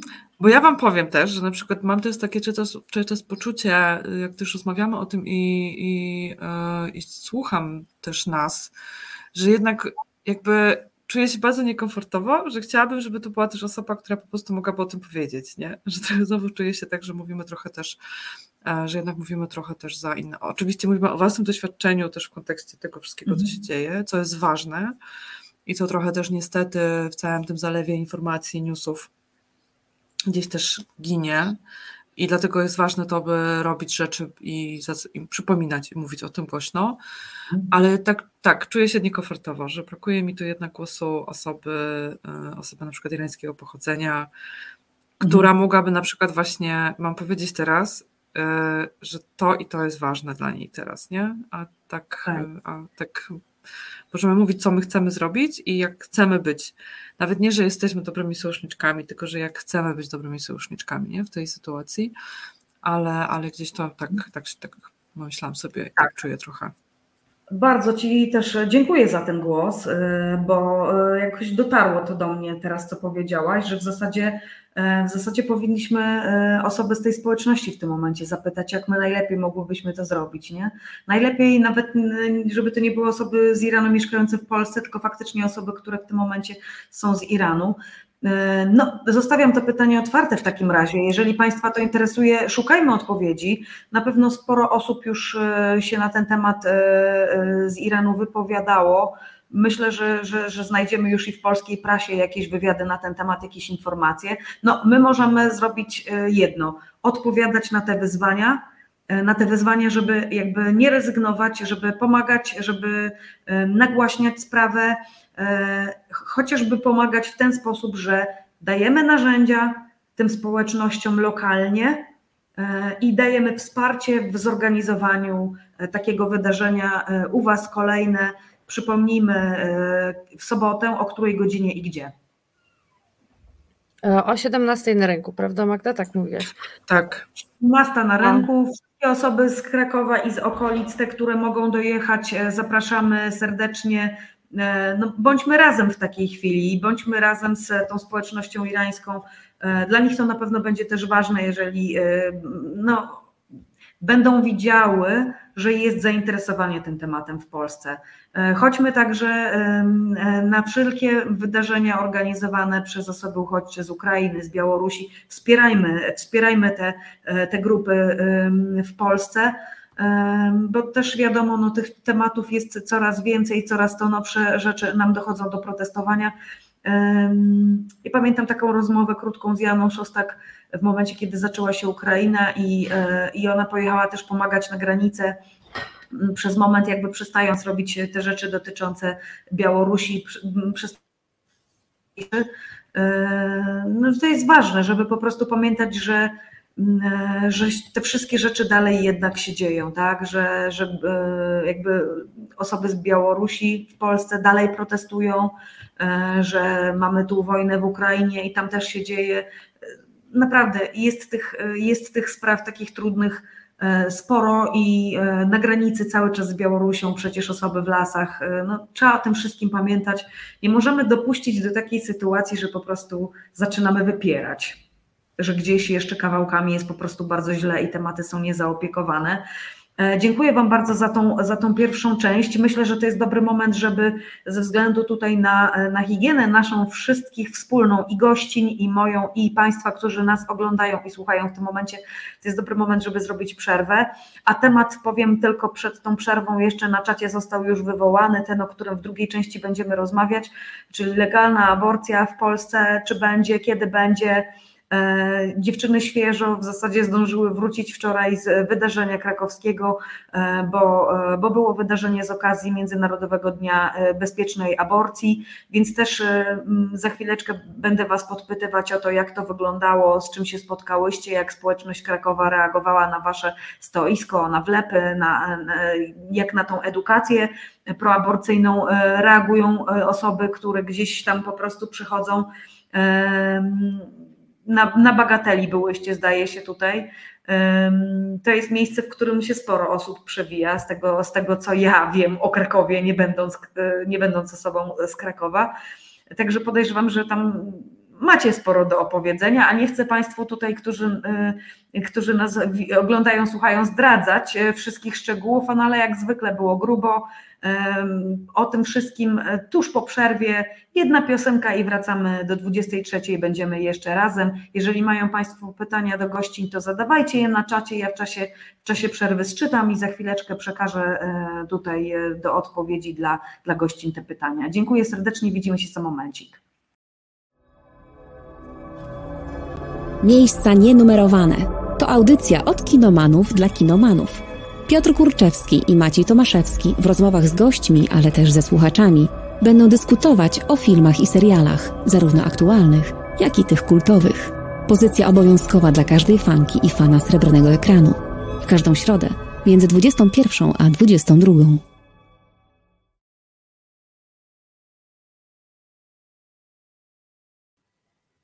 Witamy Państwa w trzeciej części programu To jest wojna. Dzisiaj ze mną gościnie z Krakowa, krakowska inwazja, Magda Dropek, Anna Gwiszcz, Ewa Sładek i Ola Tomaszewska. Rozmawiałyśmy w pierwszej części programu między innymi o tym, w jaki sposób dawać platformę do robienia solidem, do robienia zgromadzeń, osobom z mniejszości e, narodowych, które w Polsce są, osobom uchodźczym, e, wszystkim osobom, które no, nie pływają jak ryba w wodzie w polskich e, warunkach organizowania rzeczy. Trzeba do tego wsparcia, trzeba wspierać też mądrze. O tym też tutaj rozmawiałyśmy konkretnie w kontekście tych, tych zgromadzeń i tych, tych wydarzeń, które były organizowane po śmierci Maxa Amini w Iranie.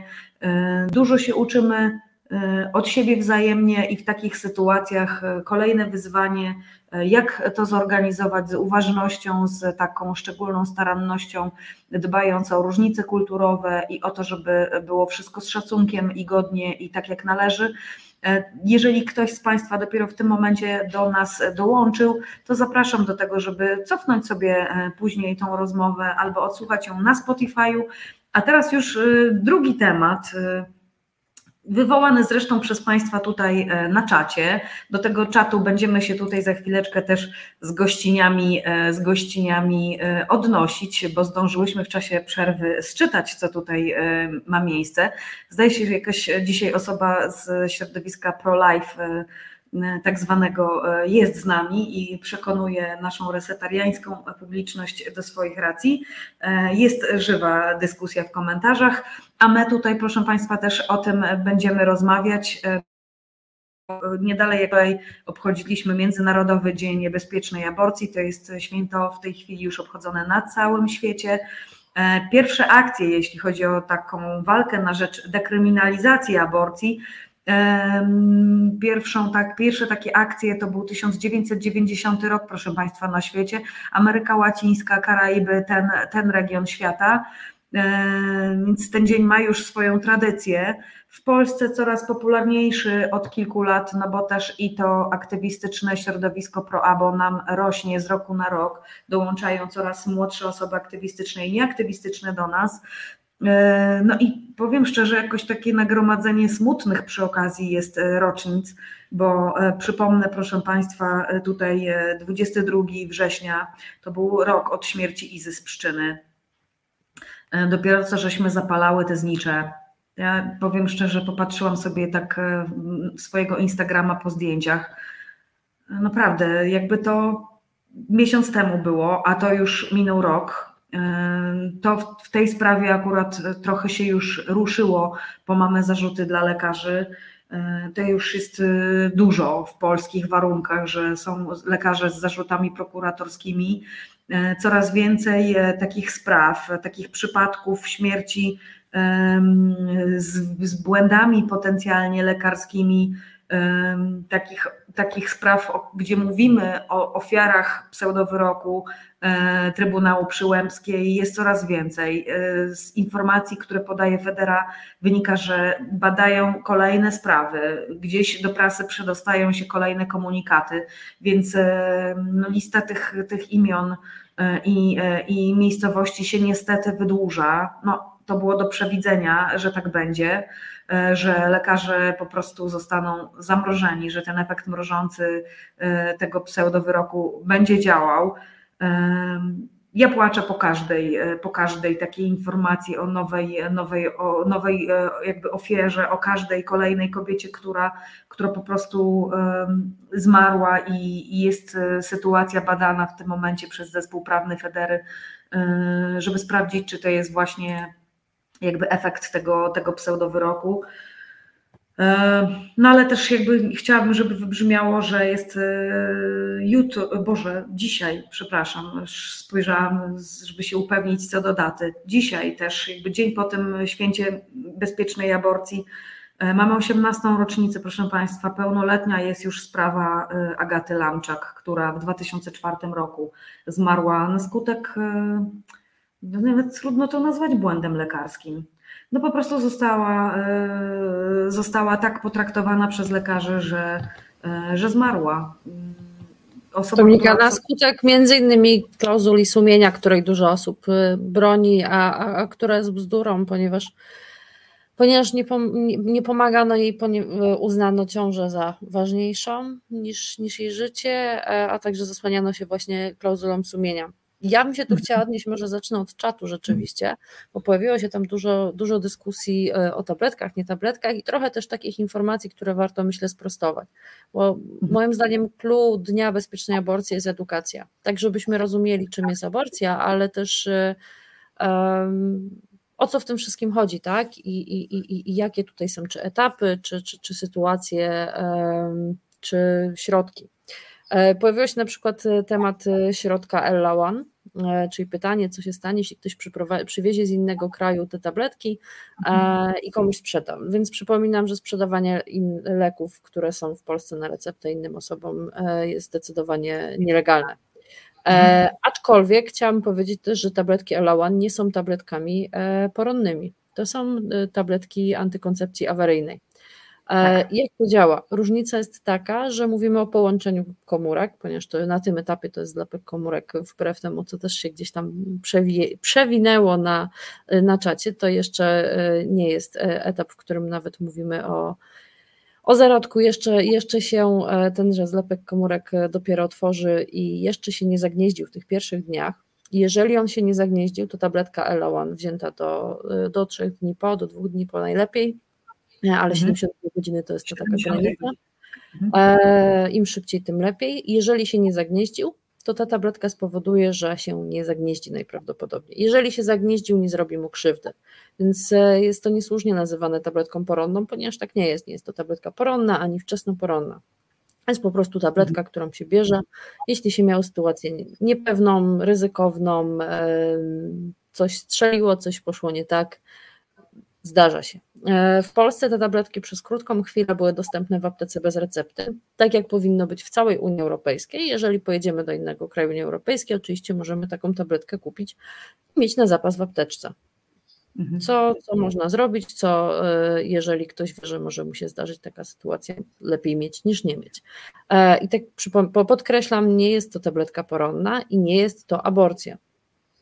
Jeżeli chodzi o kwestie aborcji, kwestie prawne, to tak, e, i o kwestie zdrowotne, to tak, tam się teraz toczy dyskusja dotycząca tego, co jest trujące, co nie jest trujące i że nawet woda może zabić, czy jak mówiła moja chemiczka, każda substancja może być trucizną zależnie od, od ilości. Mhm. Tabletki poronne, czyli tabletki, które już powodują aborcję farmakologiczną, E, i ogółem aborcja farmakologiczna jest bezpieczniejsza od, uwaga, uwaga, porodu. Takiego normalnego, zdrowego porodu. Dodam, byłam w takowym, e, efekt mam tam dwa pokoje dalej. E, jest ciężkie przeżycie, nawet jeżeli wszystko jest w porządku. E, oczywiście nie twierdzę, że tabletki poronne to łyknięcie i pójście dalej i, i, nic się z organizmem nie dzieje, ponieważ oczywiście mogą być różne dolegliwości. Aczkolwiek badania potwierdzają, jest to bezpieczniejsze od porodu. E, I te tabletki do pewnego etapu na wczesnej ciąży, etapie wczesnej ciąży można wziąć. E, w Polsce niestety jest to nielegalne, e, poza tymi dwoma przypadkami. I w takiej sytuacji to jest właśnie coś, tak jak wcześniej Dominika powiedziałaś, tabletki, które bierze się w domu, czyli to nawet nie jest procedura, która odbywa się gdzieś w szpitalu, jest to mniej skomplikowane niż wyrwanie ósemki, dostaje się tabletki, jeżeli jest taka sytuacja, przykładowo e, serce płodu nie bije, to się sprawdza w okolicach 6-8 tygodnia. Jeśli na tym etapie się to nie dzieje, to oznacza, że, że jest to ciąża martwa do usunięcia. E, I to, do czego dążymy, to żeby do 12 tygodnia te tabletki można było po prostu dostać w sytuacji, kiedy kobieta decyduje się nie kontynuować ciąży. Mhm. Że te tabletki idzie do domu, bierze pierwsze tabletki, po odpowiednim e, okresie godzin bierze kolejne. Może się mhm. zdarzyć krwawienie, jeśli coś się dzieje, oczywiście konsultuje się z lekarzem. Prosta procedura, nie wymagająca pobytu w szpitalu, wymagająca tylko i wyłącznie recepty od lekarza albo dostania leku w szpitalu. E, także mm, to jest to i tu, ponieważ było właśnie pytanie o podanie komuś tabletek i wspomniana Justyna Wyczyńska, przekazanie komuś tabletek poronnych jest nielegalne, ponieważ pomaganie w aborcji w Polsce jest nielegalne. I stąd pojawiła się sprawa Justyny, która swoje leki przekazała innej kobiecie, a jej przemocowy partner, e, przed którym ona się z tą aborcją kryła, zgłosił to policji i na dziewczynę z tymi tabletkami czekała policja. I teraz Justyna e, jest wzywana do sądu, jest oskarżana. I to jest sytuacja, która jest nielegalna. Z kolei przerwanie własnej ciąży nie jest nielegalne. To tak. jest najważniejsze. Nadal w Polsce własną ciążę, jeżeli przerwiemy, Czyli na przykład, jeżeli weźmiemy tabletki, które dostaniemy od organizacji z zagranicy, ponieważ jeżeli ktoś potrzebuje pomocy, wchodzimy na stronę Federy, Aborcji Bez Granic, aborcyjny Dream Team, tam znajdziecie wszelkie możliwe informacje, wszelkie organizacje, które mogą Wam pomóc. Takie tabletki są wysyłane pocztą.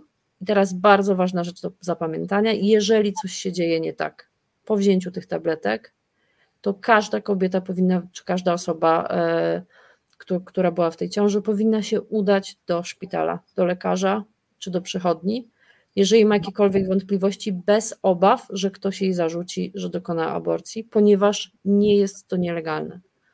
Tak. Przyjęcie tabletek. Podanie komuś jest nielegalne. Lekarz, który by tego dokonał bez przesłanek związanych z przepisami, też będzie pociągnięty do odpowiedzialności. Ale sam fakt, że ktoś te tabletki wziął, nie jest nielegalny. Oczywiście e, były projekty i były zakusy, między innymi Kai Godek i Ordo Juris, żeby nas za to karać i żeby uznać, że e, każde utracenie ciąży mogło być e, spowodowane przez kobietę, no i wtedy przechodzimy do, do tematu karania, ale w tej chwili czegoś takiego nie ma. Także proszę, żebyśmy o tym e, pamiętały. I oddam może jeszcze ostatnie 5 minut, oddam dziewczynom. E... I dokładnie właśnie to robimy w Krakowie, co zrobiła teraz wspaniale Ola, czyli lubimy wychodzić na ulicę, a, tak. i, i postać sobie przez kilka godzin i trochę porozmawiać z ludźmi o tym. I ja generalnie uważam, że każda osoba, która działa, powinna przynajmniej raz w miesiącu wyjść na ulicę ze swoim tematem ważnym, żeby właśnie tak zupełnie z przypadkowymi osobami o tym porozmawiać. A więc e, w lipcu dwa razy stałyśmy też takim stoiskiem właśnie z materiałami, wlepkami, informacjami o, o, o, o sprawie Justyny. Dwa razy, mieliśmy takie dwa razy stoisko na plantach i wczoraj, tak jak w zeszłym roku robiłyśmy też takie stoisko właśnie tęczowo-muzyczno-aborcyjne z projektem ustawy Legalna Aborcja bez kompromisów, w tym roku bardziej informacyjnie, więc właśnie to staramy się też robić, czyli właśnie rozmawiać trochę, wychodzić trochę na ulicę z tym tematem do ludzi i trochę ich też zachęcać do rozmowy, ale też zachęcać do tego, żeby właśnie tą wiedzę podawać dalej e, i te wszystkie kontakty i informacje. Tak, no i ja co, i co, z tego można się dowiedzieć z y, tych spotkań z ludźmi? Można się dowiedzieć, że wszyscy chcą coś podpisać. E, bo ta, taki był efekt y, naszych rozmów z ludźmi w, wczoraj. Wszyscy byli gotowi podpisywać kolejne projekty, przychodzili, sami się pytali, e, no, dawali nam nawet kartki z własnymi imieniem i nazwiskiem i danymi, których oczywiście nie mogliśmy przyjąć i też tego nie czyniliśmy, ale widać w związku z tym, że e, no, gigantyczną pracę, jaką wykonały organizacje pozarządowe, jeżeli chodzi o edukację ludzi na temat e, ich praw, e, ścieżki ustawowej, tego, co mogą zrobić, jeżeli coś im się nie podoba, to jest jedna rzecz. No i to, e, to też, co wychodzi w badaniach, że poparcie dla legalnej, bezpiecznej aborcji w Polsce wzrasta i jest bardzo wysokie. I właściwie teraz już wracając tutaj do tego, co, od czego zaczął się program, nie ma już powrotu moim zdaniem do tematu kompromisu. E, to w ogóle już nie jest temat w tej chwili i, i kobiety w Polsce nie powinny się na to godzić. E, my walczymy o to, żeby e, aborcja była dostępna do 12 tygodnia, tak jak jest na całym terytorium Unii, ponieważ Polki nie są jakimiś obywatelkami drugiej kategorii w Unii Europejskiej i powinny mieć tak samo dostęp do bezpiecznej, legalnej aborcji jak wszyscy inni. E, no i generalnie widać tą zmianę na ulicach. Widać, że ludzie e, chcą, chcą interesują się tym tematem, e, sami podchodzą, są skłonni do rozmowy, biorą materiały, roznoszą, oblepiają i to ludzie w różnym wieku, zarówno młodzi, jak i starsi. No więc mi się wydaje, że, że kompromis to już e, w ogóle jest e, kwestia przeszłości w tej chwili, jeżeli chodzi o temat e, aborcji w Polsce i tutaj myślę, możemy się z czegoś ucieszyć, że ta nasza walka przyniosła jakieś konkretne rezultaty. Oczywiście jeszcze nie mamy tego i jeszcze musimy dalej cisnąć, ale widać, że no, widać tą społeczną zmianę bardzo wyraźnie E, na ulicach. No i to mhm. tyle ode mnie. Mhm. Ewa, o co takim, Dla mnie takim faktycznie wymiernym efektem tej walki, no, która tak naprawdę toczy, toczy się od 1993 roku, ale na sile nabrała e, w latach ubiegłych, jest właśnie szerzenie tej wiedzy, no bo jakby jedną sprawą są ewentualne zmiany legislacyjne, do których oczywiście dążymy, E, ale drugą, wydaje mi się, równie albo może nawet bardziej istotną, e, jest właśnie sam dostęp do tej bezpiecznej, może nawet niekoniecznie legalnej, ale bezpiecznej aborcji. I bardzo mnie uderzyło to, co chyba dzisiaj mówiła Natalia Broniarczyk chyba w TOGFM-ie, że paradoksalnie po wyroku Trybunału, tak zwanego Trybunału pani Julii Przyłębskiej, aborcja w Polsce stała się bardziej bezpieczna, w tym sensie, że coraz więcej osób ma dostęp do rzetelnej wiedzy, y, skąd chociażby zamówić y, bezpieczne środki, jakimi są y, mifepristol i mizoprostol.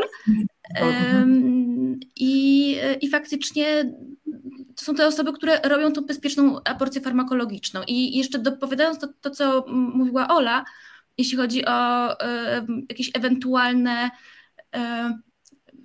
nieprzewidziane sytuacje w przypadku e, aborcji farmakologicznej, to po pierwsze one się zdarzają bardzo, bardzo rzadko. Bardzo rzadko, tak. E, a po drugie, e, bardzo ważne jest to, że nie, że nie jakby abstrahując od tego, że własna aborcja jest, jest legalna i tutaj nie powinno być żadnych skutków prawnych, E, to tak naprawdę nie ma możliwości odróżnienia e, poronienia wywołanego farmakologicznie, sztucznie od poronienia naturalnego, samoistnego, które jest e, czymś szalenie mm, powszednim niestety.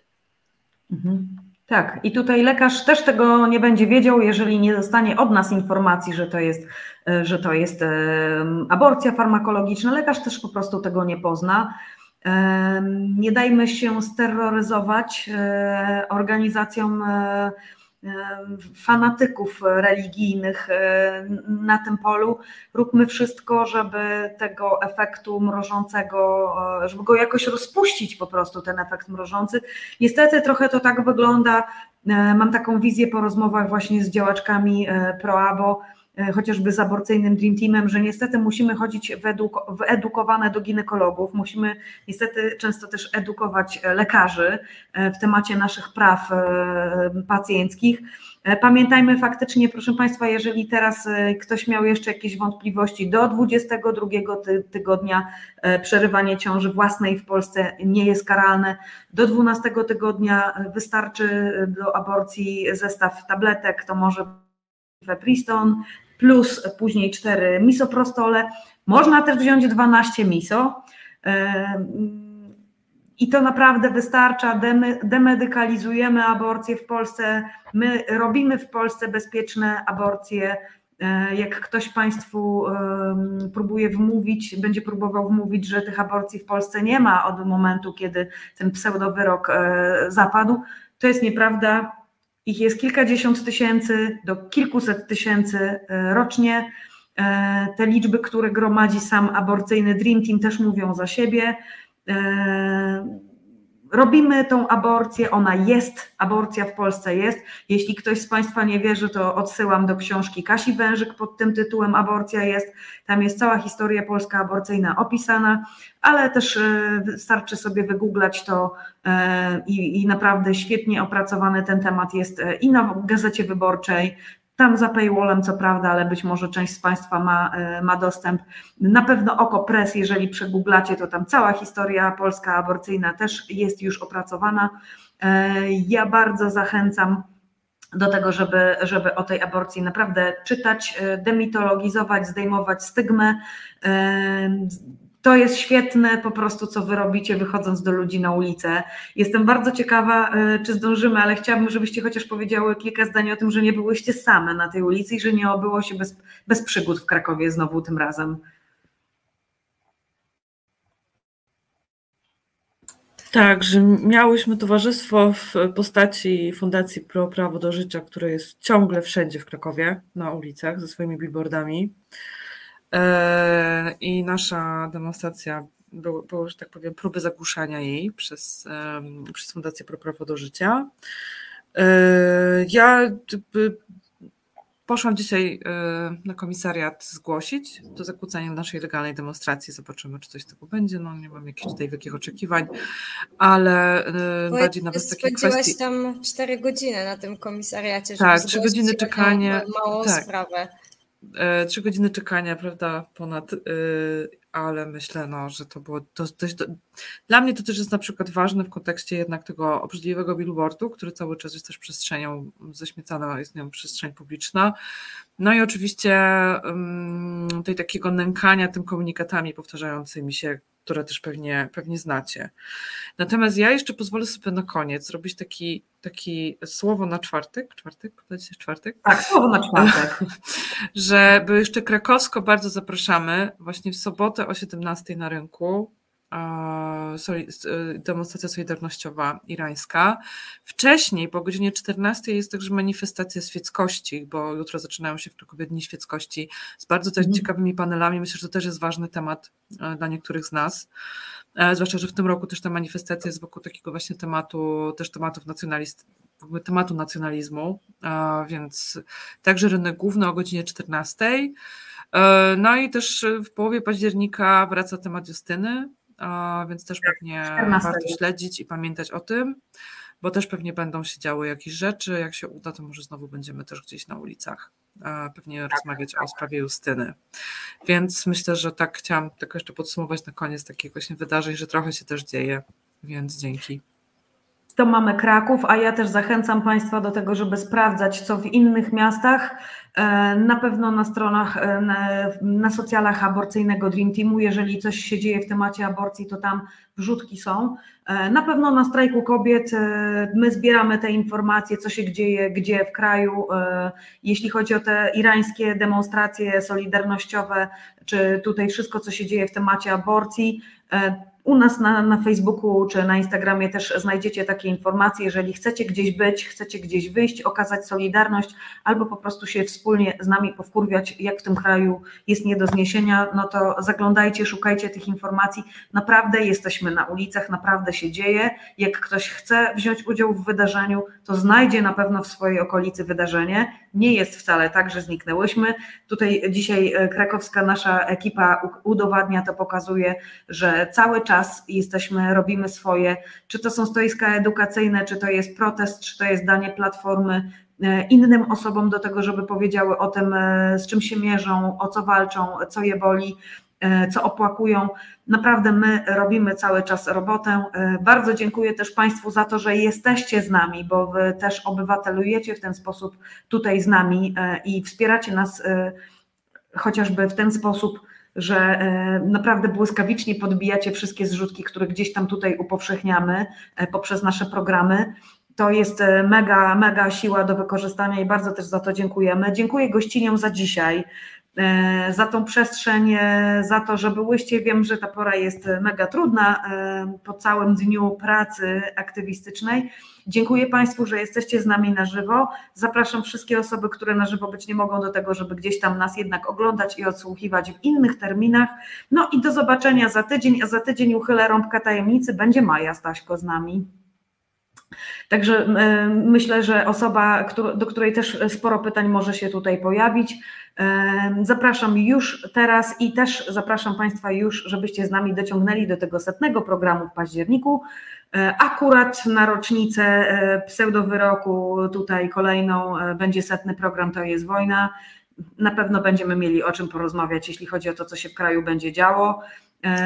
Do zobaczenia, dobrej nocy. Tak. Dobrej nocy, dziękuję bardzo.